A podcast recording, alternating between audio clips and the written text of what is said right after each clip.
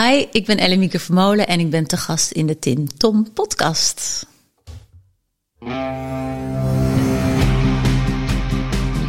Welkom bij de Tim Tom podcast. Ik ben Timothy En ik ben Tom. Samen zijn wij jouw GPS naar geluk en succes.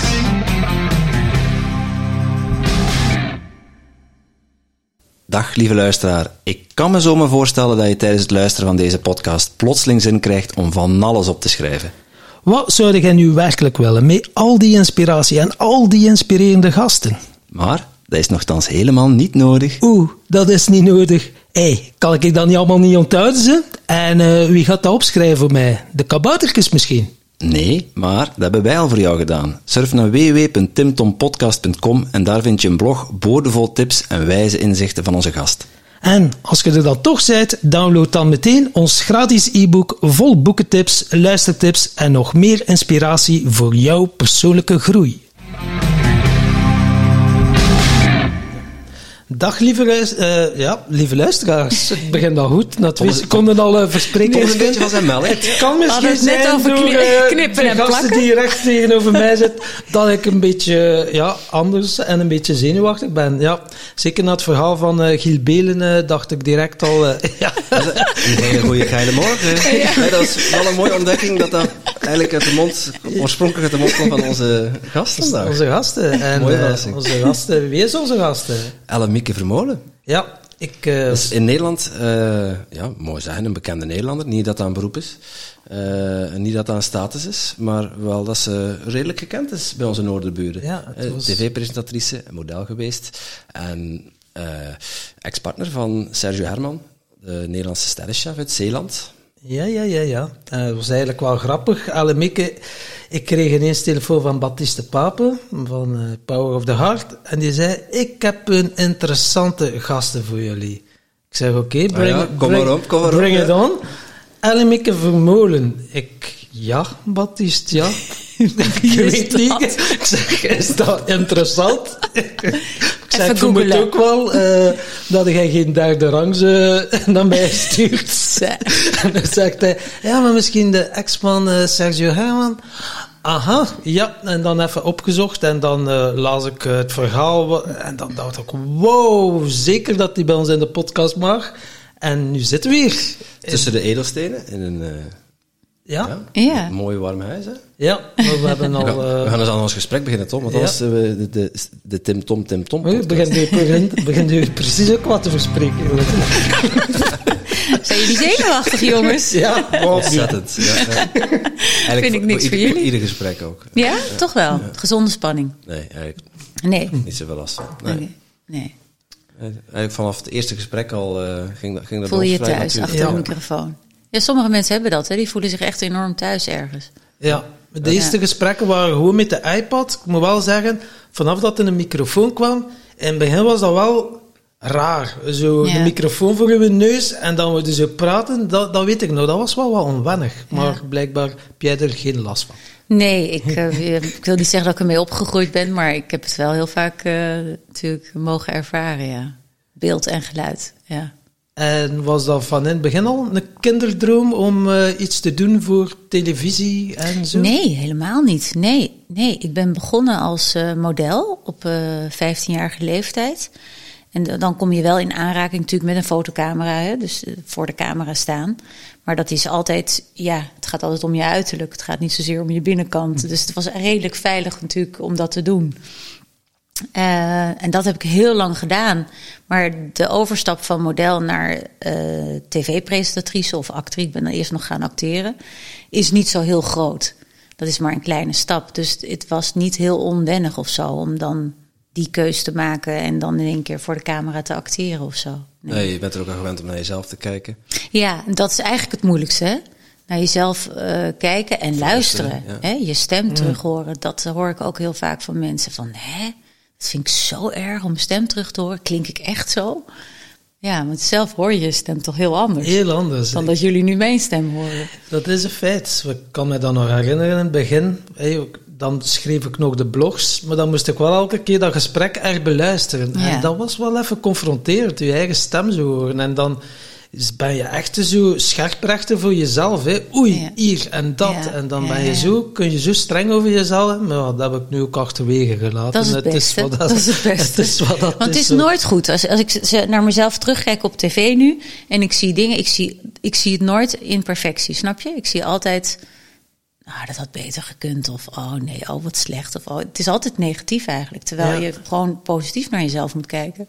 Mag kijken. Ja, nou ja, ik vind ook eigenlijk wel moet kijken. Want dan creëer je het ook, hè? Ja, Die positiviteit. Ja. Eh, Je bent al vrij jong eigenlijk eh, met, met modellenwerk begonnen. Ik kan me voorstellen dat het, zeker op die leeftijd, is dan midden in je puberteit, ja. eh, dat dat wel wat doet met je zelfbeeld. Aan de ene kant, hè, je wordt als model gekozen, dus dan, dan weet je van, oh, ik, ben, ik zie er goed uit, ik ben knap genoeg om model te zijn. Aan de andere kant hoor ik ook een perfectionistisch kantje aan je. Hoe, hoe, ben je daarmee omgegaan? Nou, ik was als kind heel onzeker. Eh, en dat kan ik nog steeds hebben hoor. Eh, en ik weet dat ik, eh, ik zat in de, het eerste middelbaar. Ja, ik denk eerste middelbaar, want ik was 13, ja, ik was 14 toen die fotograaf op mij afkwam. En die fotograaf kwam naar me toe en die zei: Goh, hier heb je mijn kaartje. Ehm, je hebt zo'n asymmetrisch gezicht. Je zou echt perfect model kunnen worden. En, nou, en ik dacht, ik had al pukkels en weet je, nou ja, echt onzeker tot en met. Ik denk, nou, daar heeft hij het over, weet je. En ehm, nou, ik natuurlijk met een vriendin dat besproken. Zo van, ja, wat, wat moet ik hier nu mee, weet je? En hij zo, en dan zei ze van, ja, maar ja, we kunnen toch gewoon kijken. Hij heeft dat bureau doorgegeven, weet je. Laten we gewoon eens... Ja, ik vind het wel leuk, zegt ze. Ik wil wel een keer een fotoshoot doen. En ik zei, ja, nou oké, dus ik kwam thuis bij mijn moeder en had het hele verhaal verteld. En mijn moeder zei, ja, ik weet het niet, ik weet het niet. Het is wel betrouwbaar allemaal, weet je. Je hebt tegenwoordig allemaal van die hè, loose dingen. En uh, nou ja, dat bureau opgebeld. Dat was een, een heel erkend bureau in Rotterdam. En die zeiden, nee, dat is onze vaste fotograaf en dat is heel betrouwbaar. En nou ja, kom een keer langs, we willen je wel heel graag zien. Hè? Want als hij je gescout heeft, dan wil dat wel wat zeggen. Dus nou, ik met mijn moeder naar het bureau geweest. En nou, die waren helemaal lier. Oh ja, nee, oh nee, je moet. wat hij bedoelt, ja. En ik echt zo, serieus? Dus je krijgt dan, uh, je wordt dan eigenlijk gevoed in de positieve zin. Je onzekerheid blijft wel, maar je denkt wel, oh oké, okay, er zit potentie in mij of zo. Dat is het meer. Want als je 15 bent, ben je gewoon, ja, wie ben je dan, weet je? Mm. Dat is gewoon echt, dan moet je nog zoveel dingen ontdekken. En um, ik kreeg al heel snel, binnen een jaar, een contract bij O'Neill. Uh, dat is dat uh, uh, surfmerk. Ja. Dus ik werd het gezicht van O'Neill. En toen, ja, toen ging het wel heel hard. Dan continu moest ik in badpakken staan. En ik werd echt zo de beachbabe, weet je. Mm. En dan ga je wel naar jezelf kijken van... Oh, oké, okay, dit is wel mooi gefotografeerd. Ja, dit is wel mooi licht. Ah, nou, zo slecht is het dus nog allemaal niet met me.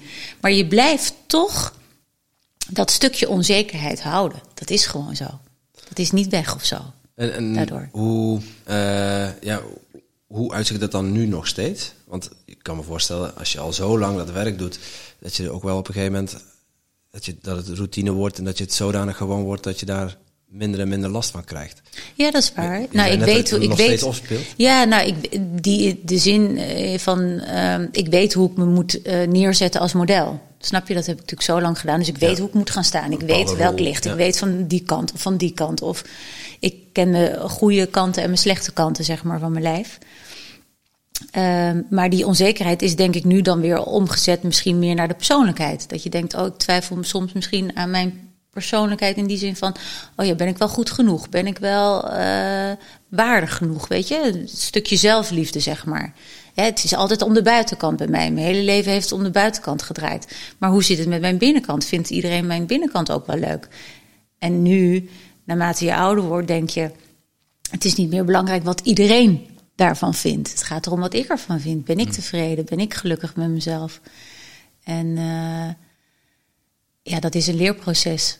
Dat heb je niet op je 18e, 30ste ook niet, vind ik. Dat is echt vanaf 40 kom je meer. Uh, ja, ik weet niet hoe oud zijn jullie eigenlijk? Ja, ik, ik, ben nog, ik ben nog maar 36. Oh, 36. En jij? 47. Oh ja, 47. Dus ik ben er nog niet aan toe om een Nee, jij nog niet. Nee, nee. nee maar het is, ik, ik vind eigenlijk vanaf je 40ste ga je meer landen in je lijf en in je hoofd, ja. in je hart, in je ziel. Dan komt het veel meer tot je toe en ben je veel minder bezig met wat anderen over je denken. En dat heb ik wel natuurlijk ook door Medialand, door tv. Um, krijg je ook heel veel kritiek op je. Dat dat, dat is gewoon, als je een publiek eh, v- figuur bent, dan krijg je dat over je heen, die bagger. Ook positieve dingen, maar ook negatieve dingen. Dus je, je zit onder een loep. Dus ja, dan, daar werd ik wel heel onzeker van altijd. En hoe ga jij om met kritiek? Want ja, we hebben dat nogal gehoord van mensen. Uiteindelijk, je mocht dan nog zoveel complimenten krijgen, 100 complimenten, en er is één compliment bij. Eigenlijk geen compliment, maar één, eh, één eh, ja, bedenking bij van dat ze je eigenlijk afkraken. Maar daar gaat je dan ook volledig op focussen. Dus gelijk in een Hmm. Grappig is ballenbad, dat, zo van, Ja. je hebt eh, 99 rode ballen en één blauwe. Ja, dan gaat je ja, Ja. gefocust op die blauwe Ja, natuurlijk. vroeger had ik dat zeker. Nu niet meer. Maar vroeger dacht ik wel inderdaad aan, eh, van die tien complimenten en één eh, negatief compliment, zeg maar. Want ik zie het dan wel als, ook als compliment, want het is voor mij een leerschool, hè? Ja. Die negatieve comments. eh, van waarom word ik daardoor getriggerd? Waarom raakt mij die ene negatieve reactie? Wat doen we? Waar, en niet die negen andere positieve reacties. Dus dat vond ik wel een goede leerschool. En ik denk dat het ermee te maken heeft met wat jij toelaat. Wat ik op dat moment toelaat tot mijzelf. Klopt die comment? Heeft hij daar gelijk in? Of zij, wie die comments dan ook schrijft. Ehm, hoe, wat kan ik daarin vinden voor mezelf? Wat haal ik eruit? Maar vaak is het gewoon van de persoon die die comment maakt... eh, of jaloezie, of onzekerheid... of gewoon eventjes van, ja, ik schrijf even iets negatiefs. Weet je, want het is allemaal zo positief bij haar. Laat ik even de rotte appel zijn, weet je, de azijnzeiker zijn. Ja. En dat is natuurlijk. Die mensen bestaan gewoon. Dat is hun leven om dat te doen. Ja, Ja. De beroepszeikers. ja, echt waar. En dan denk ik, ja, daar ga ik me toch niet door laten eh, vangen, weet je? Ja, heel mooi. Maar ik hoor je ook wel, dan stel je jezelf ook goede vragen. Hè? Je gaat wel gaan onderzoeken. Ja, want ik, ik vind opbouwende kritiek, daar ben ik voor. Hè? Ja. Is het op werktechnisch gezien eh, eh, en het is iemand in mijn vak die een commentaar levert? Ja, dan neem ik het Ja. absoluut aan. Hè? Of het een collega is, of een, een goede vriend, of een familielid, dan neem ik het absoluut aan. Maar is het iemand die ik niet ken, die commentaar op mij geeft, dan denk ik: oké, dat is jouw mening, maar dat laat ik bij jou. Dat is jouw stuk. Dat is niet mijn mening en dat is ook niet van mij. Dat is jouw, jouw ding. Doe Ja. maar. Doe je ding mee. Ja, Ja, nu wel. Kijk, eh, vroeger natuurlijk toen ik net begon bij tv, ja, dan eh, was het van, eh, oh, dat, dat, dat, dat blonde knappe meisje, nou, dat, dat was zo dom en dat heeft geen inhoud. En, en, en, en Ja. dan had ik wel die bewijzingsdrang van, oh ja, ik moet ook even laten zien dat ik wel inhoud heb. Hè, en dat ik niet alleen maar een, een eh, leuke verschijning ben. Dus dan had ik wel heel erg die bewijsdrang, maar dat, dat ja, dat, dat, dat vliegt, eh, dat gaat Ja. zeg maar weg. de clichés zijn dan zo, ja, voor haar is het gemakkelijk. Mee zo voorkomen, alle ja. deuren gaan open. Ja. Ze moeten niets voor doen. Ja, ja, maar juist, ik had juist dat ik er hard voor moest werken, omdat ik moest laten zien dat ik wel degelijk ook iets kon. Dus er lag wel heel veel druk bij mij altijd. Ja. Ja. En dan ook de programma's die, die je dan natuurlijk krijgt aangereikt. Ja, dat zijn dan soms programma's waarin je niks kunt laten zien van jezelf. En soms eh, programma's die misschien helemaal niet bij je passen, maar dat je dan wel een andere kant van jezelf kunt laten zien. Ik heb bijvoorbeeld een programma gepresenteerd, eh, Klussen en Wonen.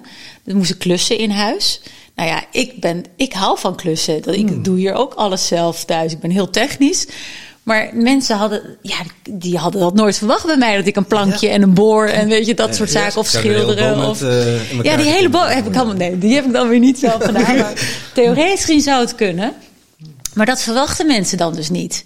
En dat ik de toilet schilder of dat ik hier de lijstjes ophang. Of, eh, dat zit gewoon in mij. Dus die kanten die ik. Ja, die heb ik dus kunnen laten zien. Dus dat vond ik wel heel leuk. Omdat hè, ik ben niet. eh, ik pak altijd alles aan.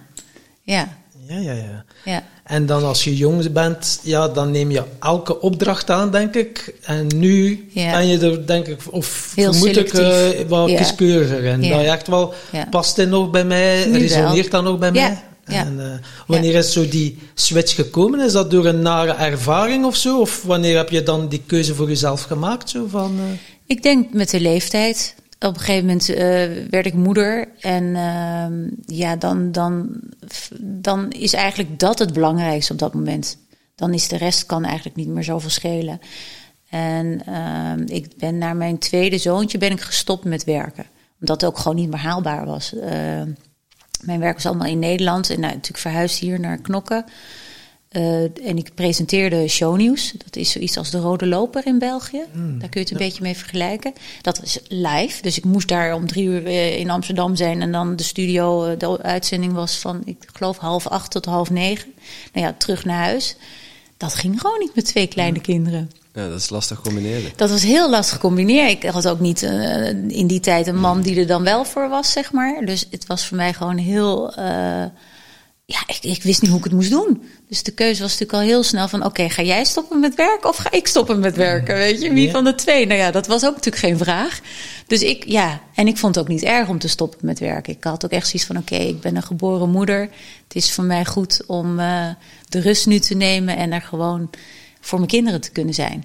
Ja, want ja. Je, had nog, je had nog kunnen kiezen om een au pair in te schakelen om, om ja, kinderen te zorgen, maar je nee, voelde wel dat je... Nee, dat, dat was bij mij, ja, dat was echt, dat had ik altijd al heel sterk van ik wil heel graag moeder worden en ik wil, als er kinderen hè, er zijn, dan wil ik er ook echt heel graag voor kunnen zijn en ze zien opgroeien en ze ja, dingen mee willen geven die van mij zijn en niet van de au pair zijn, zeg maar. Ja, ja dus, uh, ergens ja, voel je ook van ja, de kinderen dan belangrijker zijn dan die carrière. Ja, ja maar dat, dat, daar had ik helemaal geen moeite mee. Nee, ik, uh, ik, voor mijn gevoel had ik al een carrière van de modellenwereld. De modellenwerk, daar heb ik gewoon echt nou ja, het, het meest haalbare bereikt, zeg maar, voor mij. En de tv-carrière was heel leuk en heb ik ook echt alles in kunnen doen wat ik ook wel wilde doen. Dus dan is het niet zo moeilijk om die stap terug te nemen door te zeggen: Oké, nu is het genoeg geweest, nu stop ik. Nee, maak een carrière als mama. Ja, nu maak ik carrière als mama. Nou, dat is mijn beroep. Ja, ja, ja. Die handen vol aan. Ja, dat wordt echt onderschat. Ja. ja. En, wat, wat, heeft, uh, wat, wat, heeft mama zijn jou, jou gebracht? Wat, wat voor... Uh, je, zegt, je zegt net al zelf terugtrekken, rust. Mm -hmm. uh, wat heeft het jou nog gebracht? Nou, kinderen zijn echt spiegels. Dus die, zij kopiëren jou gewoon. Dus dat gedrag wat je ziet bij een klein kind is gewoon je eigen gedrag. En dat vond ik wel heel fascinerend. Dat ik dacht, oké, dus hoe meer ik in balans ben, hoe meer jij in balans bent. Hoe rustiger ik tegen jou praat, hoe rustiger jij terug tegen mij praat. Dus um, ja, dat vond ik wel heel mooi. Ja. ja. Dus dat, dat, ja, dat heeft me wel heel veel dingen geleerd. Of ik, meer laten inzien, denk ik. Ja, ja. ja. Ik, ben, ik ben papa van uh, kindje, uh, mijn zoontje is anderhalf. Mm -hmm. En het is echt, uh, het begint zeker heel pittig merk wel uh, dat, ja. hij, dat, hij, dat hij meer naar zijn moeder toe trekt. En dat spiegelen, dat, dat, komt, dat begint al vanaf heel jonge leeftijd. Ja. Dat is super grappig om te zien. Maar ze, zien, ze zien alleen maar hun ouders natuurlijk het meeste. Dus wat doen ze? Ja, ze kopiëren. Dat is logisch. En zelfs nu nog, mijn jongens zijn nu 12 en 14. Uh, als ik steeds uh, shit zeg of zo bij iets, dan in één keer zeggen zij ook steeds shit bij iets. Dat ik denk, oh ja, ik moet wel even opletten wat ik zeg. Ja, ja, ja. ja. Ja, ze leren, ja. zeker als ze klein zijn, zijn ze dan in de theta-staat of de delta-staat. En ja. dat is de staat van hypnose ook. Hypnose. Waardoor Tot dat je zeven alles, jaar, hè? Dus ja. je kan je inderdaad heel snel leren. Dat, dat, je alles ja, tot u neemt natuurlijk. Maar dan leer je ook verschillende andere programmeringen die niet zo handig zijn. Die neem je ook allemaal op. Hè? Je bent eigenlijk een leermachine. Een leermachine. Dus tot je zeven jaar. De eerste zeven jaar zijn het belangrijkste hè, van een kind. Dat is waarin je wordt gevormd en wordt, uh, wordt neergezet ook als, als ja, persoon. Dus het is zo belangrijk dat je die eerste zeven jaar met je kind doorbrengt ook. Ja, ja zeker. veel tijd, hè, laat ik het zo zeggen. Zeker. Veel tijd en dan zit jij in dat moederschap en dat kan ik me wel voorstellen. Dan ben je alle dagen thuis, maar dan begint het toch wel eens iets te voelen van... Ja, er zit wel nog meer in mij ja. dan enkel uh, moeder zijn, ja, denk ik klopt. dan. Ja, ja, ja, dat klopt. Toen is het al gaan kriebelen weer dat ik dacht, ja, dit is leuk, maar nu slapen ze alle twee. Nu heb ik de tijd, weet je, wat moet ik nu gaan doen? En zo is wel het idee ontstaan om kookboeken te gaan maken. Kookboeken? Ja, kookboeken, okay. ja. Er werd altijd gevraagd van... Uh, uh, of nee, er werd eigenlijk niet gevraagd. Er werd altijd gezegd van... Oh, Elemiek, wat zal jij lekker eten thuis? Wat heerlijk dat je niet hoeft te koken. Dat je man, hè, drie sterren... Mm. en dat die dan altijd voor je kookt. En ik zei, ja, I wish, weet je. ja, iedere, zeg, iedere dag afhalen diepjes Ja, ik ben degene die thuis kookt. Maar echt, kook jij altijd thuis? Ja, oh, oh, maar wat maak je dan klaar? Weet je, wat durf je dan te koken voor hem? Ik zeg, nou, heel simpel en heel gezond. En toen dacht ik, doordat ik honderd keer die vraag had gekregen, ik ga er een boek van maken. Ik ga gewoon alle gerechten die wij thuis eten bundelen in een boek en dan wel eh, op familie gericht, eh, op de kinderen gericht, eh, makkelijke maaltijden. Dus snelle, makkelijke maaltijden voor het gezin. En zo was het eerste familiekookboek ontstaan. Nou ja, en daarna kwamen dan, mijn passie is gezonde voeding. Eh, verschillende opleidingen daarvoor gedaan ook. En toen kwam wel ook eh, het sapjesboek met superfoods erbij. De combinaties, wat, eh, waar is wat nou goed voor.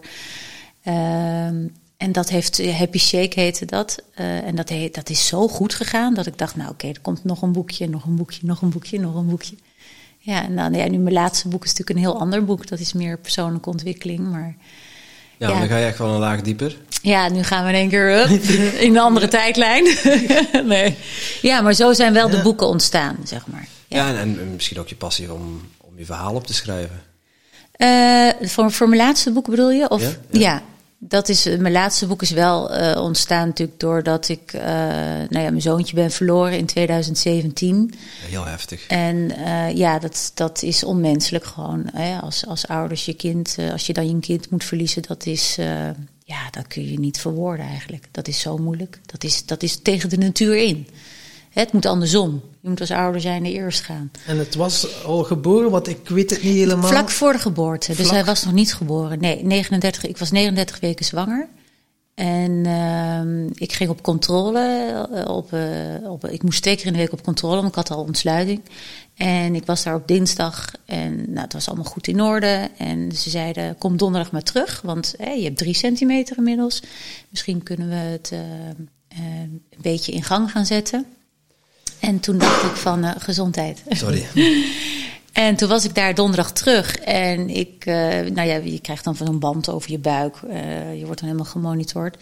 En ze konden geen hartslag vinden. En ik, ik zag al die paniek bij die zusters in hun ogen terechtkomen. Ik denk, oké, dit ziet er niet goed uit. Ja, Ellemie, we gaan toch de gynaecoloog erbij halen. Want ja, er klopt hier iets niet. En toen werd de gynaecoloog erbij gehaald. En ehm, ik ken haar ook heel goed. Want ze had ook altijd met andere twee jongens op de wereld gezet. En ik, eh, ze pakte die machine, die echomachine, en, nou op mijn buik. En ze draait zich om naar vijf seconden en zegt... Lemieke, ik vind geen hartslag meer. Hij is dood. En ik zei, nee, dit kan niet. Ik zeg, dit kan, check nog eens een keer. Ik zeg, check nog eens een keer. Ja, zegt ze, ik wil echt voor jou nog een keer checken. En no- nog een keer checken. Nee, eh, Elemiek, echt, het is niet meer. Ik zeg, ja, maar dit kan niet. Wat, wat is er gebeurd? Wat, ik was hier dinsdag, het is nu donderdag, twee dagen later. En toen zei ze ook van, ja, ik weet niet wat er is gebeurd. En eh, ze zegt, dat, zal, eh, ja, dat, dat, dat gaan we straks bekijken, weet je. We, gaan eh, de weeën opwekken. En, en ik zei, ja, nee, nee, nee, nee, nee. Ik zeg, ik wil een keizersnee. Ik wil dat hij er nu uit is. Ik wil het nu weten. Weet je, dat is eigenlijk je eerste primaire gedachte gewoon. En ehm, toen op een gegeven moment ehm, weet ik nog dat zij zei van... Nee, jij, ik, ik ga geen keizersnee bij je doen. We gaan nu eerst gewoon hè, je, je ouders bellen, Sergio bellen. Gewoon zorgen dat je gewoon even goed wordt opgevangen. En daarna gaan we het bespreken hoe we het gaan doen. Nou ja, op dat moment, dat is een rolluik die naar beneden gaat. Dan weet je gewoon niet meer, je een soort totale blackout of zo. En eh, nou, ik weet dat mijn moeder woont anderhalf uur hier vandaan. Dus dat, na anderhalf uur kwam zij dan binnen. Serge was in Antwerpen aan het werk. Die kregen ze niet te pakken. Dus die kwam drie uur later binnen. Ehm, ja, dan je wereld stort in. Je wereld staat stil. Dat is, eh, je kan het op dat moment sluit, denk ik, je emoties, je lichaam, alles wordt afgesloten. Omdat je, het is te heftig als mens om dat te ervaren. Dus ik, ik, ik, ik werd geleefd. Ik, ik, ik weet ook heel veel dingen niet meer. Die dingen, dat, dat, het later pas doordat mijn moeder dat vertelde. Of dat dacht, oh, echt heb ik dat gezegd? Of heb ik zo gereageerd? Of, ja, dat is heel bizar. Een soort, Heel een soort bizar. roes of een waas leeft. Die, Ja, ik denk dat je lichaam de pijn op dat moment niet aan kan. Het is, Ondraaglijk, het is ondraaglijk. Dus je, je krijgt een beschermingsmechanisme, wordt geactiveerd. En eh, daar, je overlevingsmodus, ben je ergens allergisch voor? nee, ik weet het niet. Een beetje in mijn keel. Het is een, eh, Lastig met podcasten. Ja. Eh, nee, het is echt een, een, een mechanisme wat wordt geactiveerd. eh, en, ehm, eh, want ik, ik, ik heb blijkbaar gezegd, ja, mijn kinderen zitten op een kamp. Die moeten afgehaald worden, weet je. Die, die, die, zijn, eh, die moeten opgevangen worden. Eh, dat, dat moet ik regelen. Ja, ga even weg, jongen. Ja. Ja. Knippen we dit eruit? Nee, nee, nee. Ik kan niet zo tegen heftige verhalen. Dat, eh, Oh, is dat het? Ja. Of, want misschien ben je allergisch voor, voor munt of voor gember of komkommer? Nee? Oh. het, gaat, eh, het, gaat, het is er niet over, maar... Oeh, het gaat goed komen. Ja? Nu neem je tijd. Ja, ik denk niet dat het heel snel weggaat, maar... Dat is wel vervelend bij een podcast. Ja. Ja. Ja, gelukkig dat ik hier nog ben. hè. Ja. Dat- Ja. Oh, kan opvangen. tweeën. Ik zat wel midden in je verhaal. Ja. Je, je vertelde dat, je, dat de kinderen onmiddellijk naar huis moesten van kamp. ja. Nou ja, onmiddellijk van huis, dat duurde tot vijf uur. En ik dacht, ja, ik lig hier nu in het ziekenhuis. Die kinderen, ik kan het ook nog niet vertellen wat er aan de hand is. Dus die moesten opgevangen worden. Ehm, dus ik weet dat ik, dat ik heel erg praktisch aan het denken was. In plaats van dat ik emotioneel eh, naar mezelf toe, eh, naar Joshua op dat moment, eh, het babytje in mijn buik, dat ik daar naartoe ging. Daar ging ik helemaal niet naartoe. Dus dat was heel, ehm, ja, heel bizar eigenlijk. En de tijd, eh, want ze gingen het dan opwekken.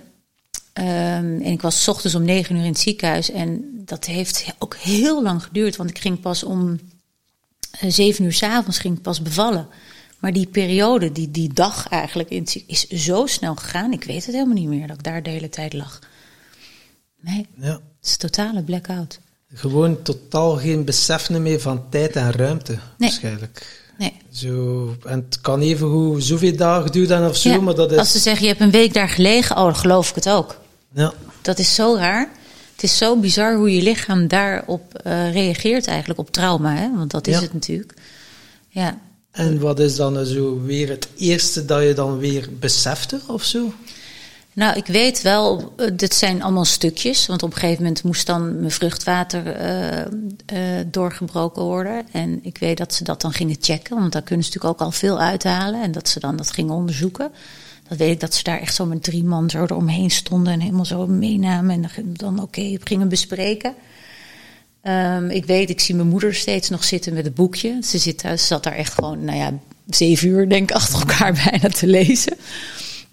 En eh, Serge zat in de hoek zo. Die zat er ook echt alleen maar met zijn telefoon en alleen maar een beetje voor zich uit te staren. En ik weet het op een gegeven moment dat, het, eh, dat, dat ik echt die 10 centimeter had en dat ik dus moest gaan bevallen.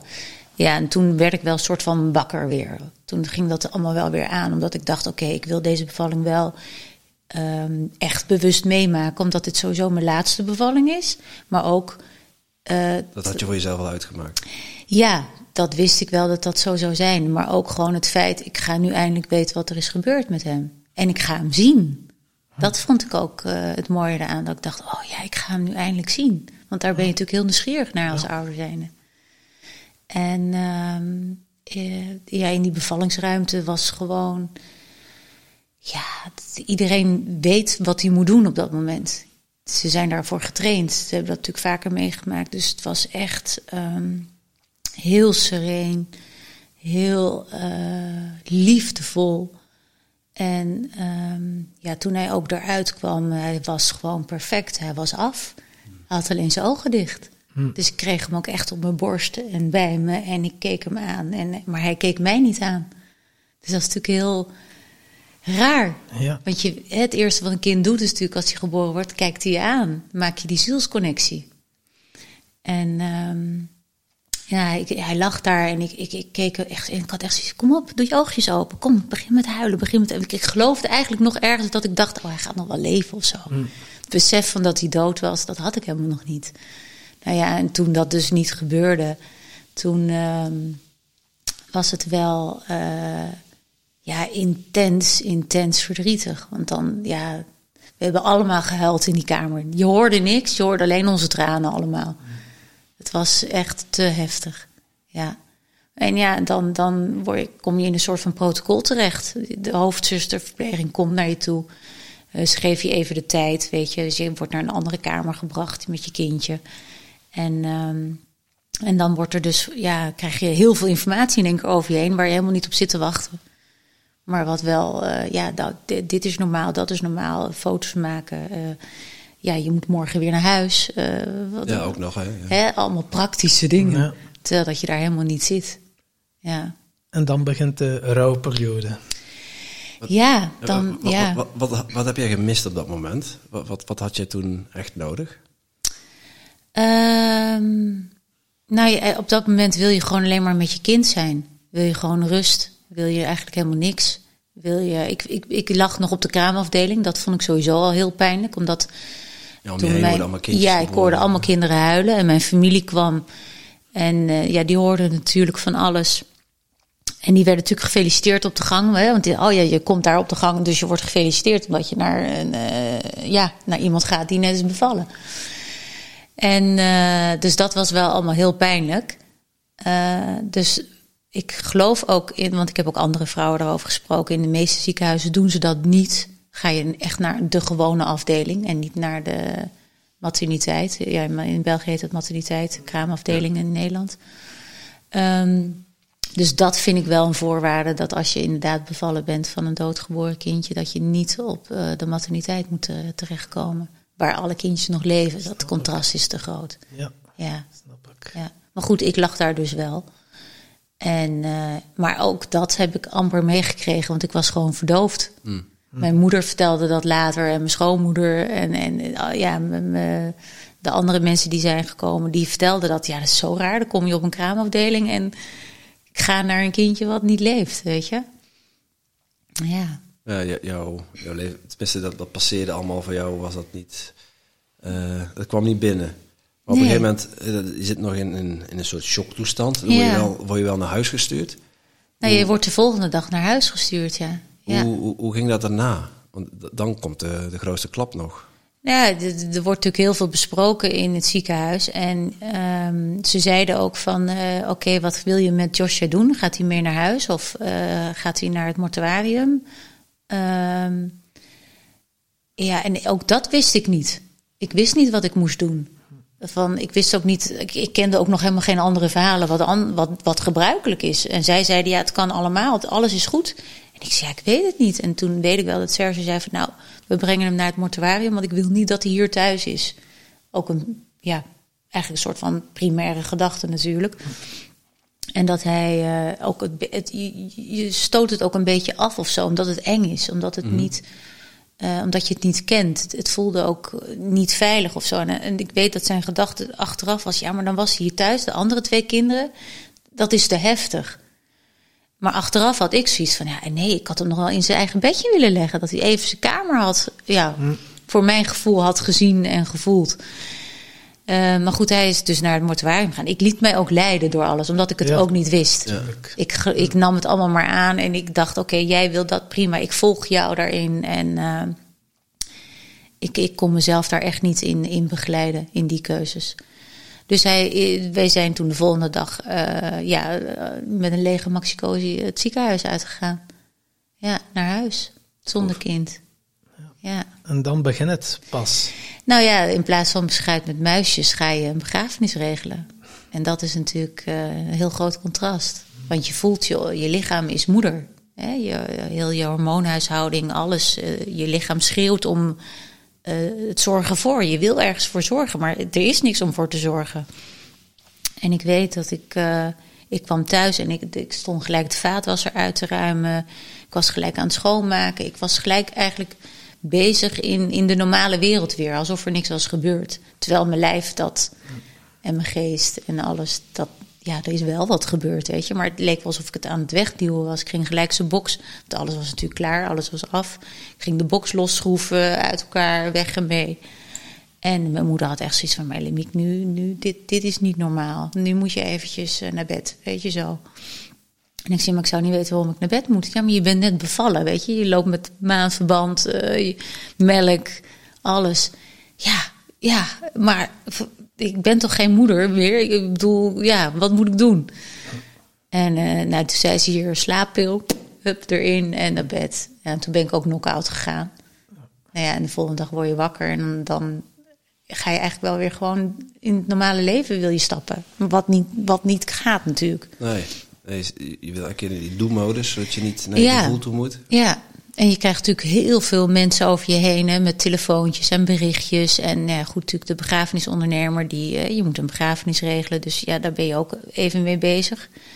En ja, ik ging elke dag naar het mortuarium, omdat ik wist, ik heb nu nog maar vijf dagen om bij mijn kind te zijn. Ja. Ja, en dat is natuurlijk heel- dat contrast is heel, eh, ja, is heel raar, omdat je niet, ehm, hoe zeg je dat, gevoelsmatig. ehm,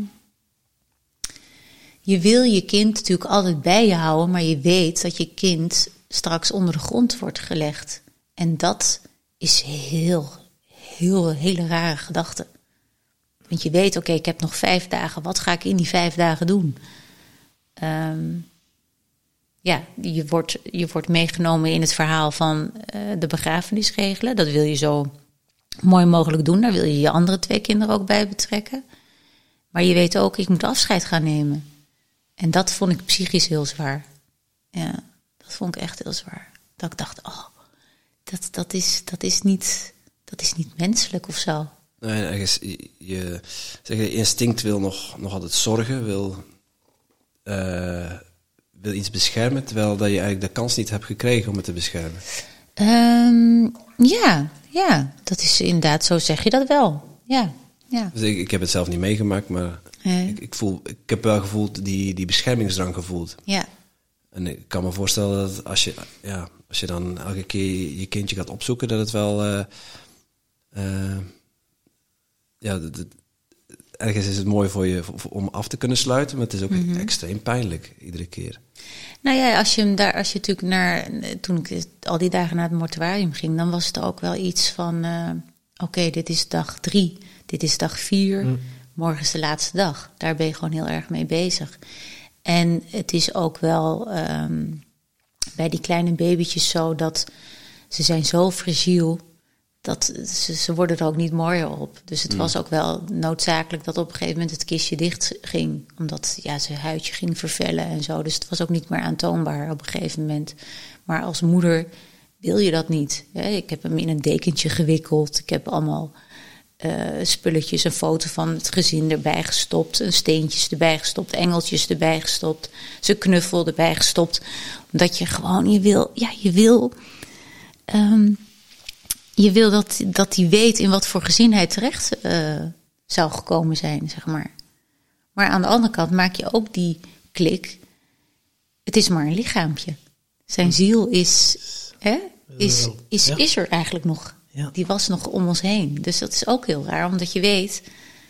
het is het lichaampje wat je nu vast hebt... maar het is niet meer zijn persoonlijkheid. Het is niet meer zijn... eh, ja, Ja, het zieltje is al terug. eh, ja, ja. ja. Klopt. Maar dan, ja, komt dan, eh heb dan afscheid genomen, maar ja, dan zit je hier thuis. En Ja. ja, ja een rouwperiode, dat is, ja, dan start dat. En hoe lang is dat nu precies geleden? Eh, Dit was 2017. 2017. Ja, dus, nu eh, Vijf, zes jaar geleden. Ja, ze- zeven, ja, dit wordt zevende jaar dan. zevende jaar. Ja. En dan, eh, hoe is dat dan gegaan? In het begin nog, ja, onrealistisch, denk ik. Of zo, ja, hoe Ja, kan je dat dan... eh, Eh, ja, rouw is een natuurlijk proces. Hè? Je lichaam kan dat aan. Ehm, ik had zelf wel heel sterk, eh, ik wil van die harde pijn af. Het is, het is zo pijnlijk. Het was echt. Dacht, ik dacht hoe, hoe moet ik verder gaan leven? Weet je, hoe, hoe moet dit? Hoe, hoe kan dit? Dat lukt me toch nooit meer, dit.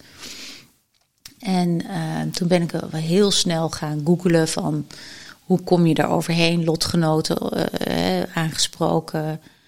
Ehm, en op een gegeven moment stuitte ik, of nee, ik kreeg al een paar keer, ik kreeg al een paar keer door over EMDR. ah ja. Van, eh, oh, ik heb dit gedaan, ik heb dat gedaan. En EMDR kwam steeds terug bij heel veel verschillende mensen. En toen ben ik dat eens gaan googlen en toen dacht ik, oké, hier kan ik me in vinden. EDMR, EMDR is een. eh, EMDR. ja, eh, is een eye movement eh, reconstruction. Ja, ik weet niet meer precies, maar eye movement. Het is een, een beweging voor je ogen. Met twee vingers. En het is echt voor trauma. Het is echt traumatherapie. Dus echt als je een trauma hebt meegemaakt, dan kom je daar eigenlijk heel snel bovenop in een aantal sessies. En dat is wat ik wilde. Ik wilde niet jarenlang of een jaar lang in de rouw gaan zitten. Ik wilde eruit. Ik wilde verder. Dus ik uh, hier dat gegoogeld en er bleek dus hier iemand in Knokken dat te doen. En gelijke afspraak gemaakt. En ik denk dat ik na een maand daarmee ben begonnen.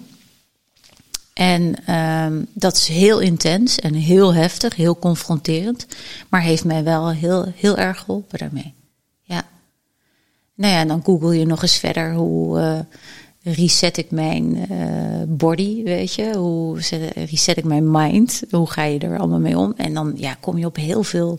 Loesje websites, zoals die van Ed Wisselij en zo. Ja, van Ed Wisselij. Ja, nee, die, die pas later. Maar toen kwam ik bij Vilna van Betten uit, bijvoorbeeld. Ja. Hè? De body reset, ja. de BMR-methode. Ja. Nou, die, ik heb gelijk haar boek gekocht. Ik ben gelijk daarmee aan de slag gegaan. Uh, kundalini yoga. Ik volgde al yoga, maar kundalini yoga was dan meer op hormonaal en op uh, fire breath en uh, ook psychisch weer al je chakras weer in, in, in op een rij krijgen. Dus ik ben echt met mezelf aan de slag gegaan om dat. Um, om daarmee, om mezelf te helen eigenlijk. Dat was het. Ja, maar je had dan wel een keuze, want heel veel mensen die in, in zo'n situatie zitten, die kiezen dan bijvoorbeeld om uh, ja, die niet aan kunnen gaan naar Ja. de medicijnen grijpen of Ja. zo. Ja, het Ja. is ook een manier natuurlijk. Je hebt verschillende opties. Maar jij vond dan toch ergens de mentale kracht van... Ik neem hier eigenaarschap Ja. en eh, ik, eh, ik neem het heft zelf in handen en ik ga op die manier mee. Klopt. Wanneer kwam die klik? Want ik kan mij wel voorstellen als je dan zo zit dat dat ook wel door je hoofd is gesproken. Oh, ik wil de pijn niet voelen. Oh, een pilletje is de, de makkelijkste. Ja. oplossing. Korte nou, termijn. Ja, Maar- dat is, dat is korte termijn. Eh, Ja. Sowieso eh, is mijn instelling altijd al heel positief geweest. En kies ik mm, vaak voor de moeilijkste weg dan voor de makkelijkste weg. Omdat daar de groei zit in de moeilijkste weg. Maar ik, ik besefte ook wel, ja, je hebt niet de keuze in wat je overkomt in je leven. Maar je hebt wel de keuze in wat je ermee doet. En dat, eh, die, die, dat ging altijd, dat, zo heb ik altijd geleefd. En ik kom echt uit een heel positief gezin. Mijn moeder is echt heel positief. En ik heb een soort van happy gen bij mij. Dus bij mij, ik kijk het ook altijd van de positieve kant. Het glas is nooit half leeg, maar half vol. En, en dus ik wist ook wel, ik kom hier wel uit, maar hoe kom ik eruit? En, en, en, en ja, ik wilde dan de snelle manier. Ehm, Is er een snelle manier? Nou, het is voor iedereen anders. Ik denk dat het, je, er zijn heel veel mensen die ook wel de slachtofferrol kiezen. En dat is geen snelle manier. Dat, daar blijf je je hele leven lang eh, dan in zitten. Een pijnlijke manier. Ja, maar dat is de mentaliteit, dat is de mindset. Hè? Ben jij zo iemand, zit dat in je? Ja, dan, dan, dan, ja, je moet je mind veranderen gewoon. Dat is het allerbelangrijkste. Dus ik- dat ik al die tools ben gaan aanpakken en allemaal gaan doen. En affirmaties en je lichaam vergeven. En, eh, want het- daar loop je ook nog eens een keer mee als vrouw zijn. Je voelt je enorm schuldig. Ja, je hebt gefaald als, je, hebt als vrouw. je hebt niet gefaald. Je voelt dat je, je denkt dat je hebt gefaald Ja, als vrouw zijn. Ja, en dat maakt niet uit in welk stadium je kind verliest. Eh, of dat bij twaalf weken is, of vier, of, of op, op welke week dan ook. Je voelt, je denkt dat je lichaam heeft gefaald. En, en dat, dat geeft je een schuldgevoel. En dat, ja, daar moet je ook echt vanaf.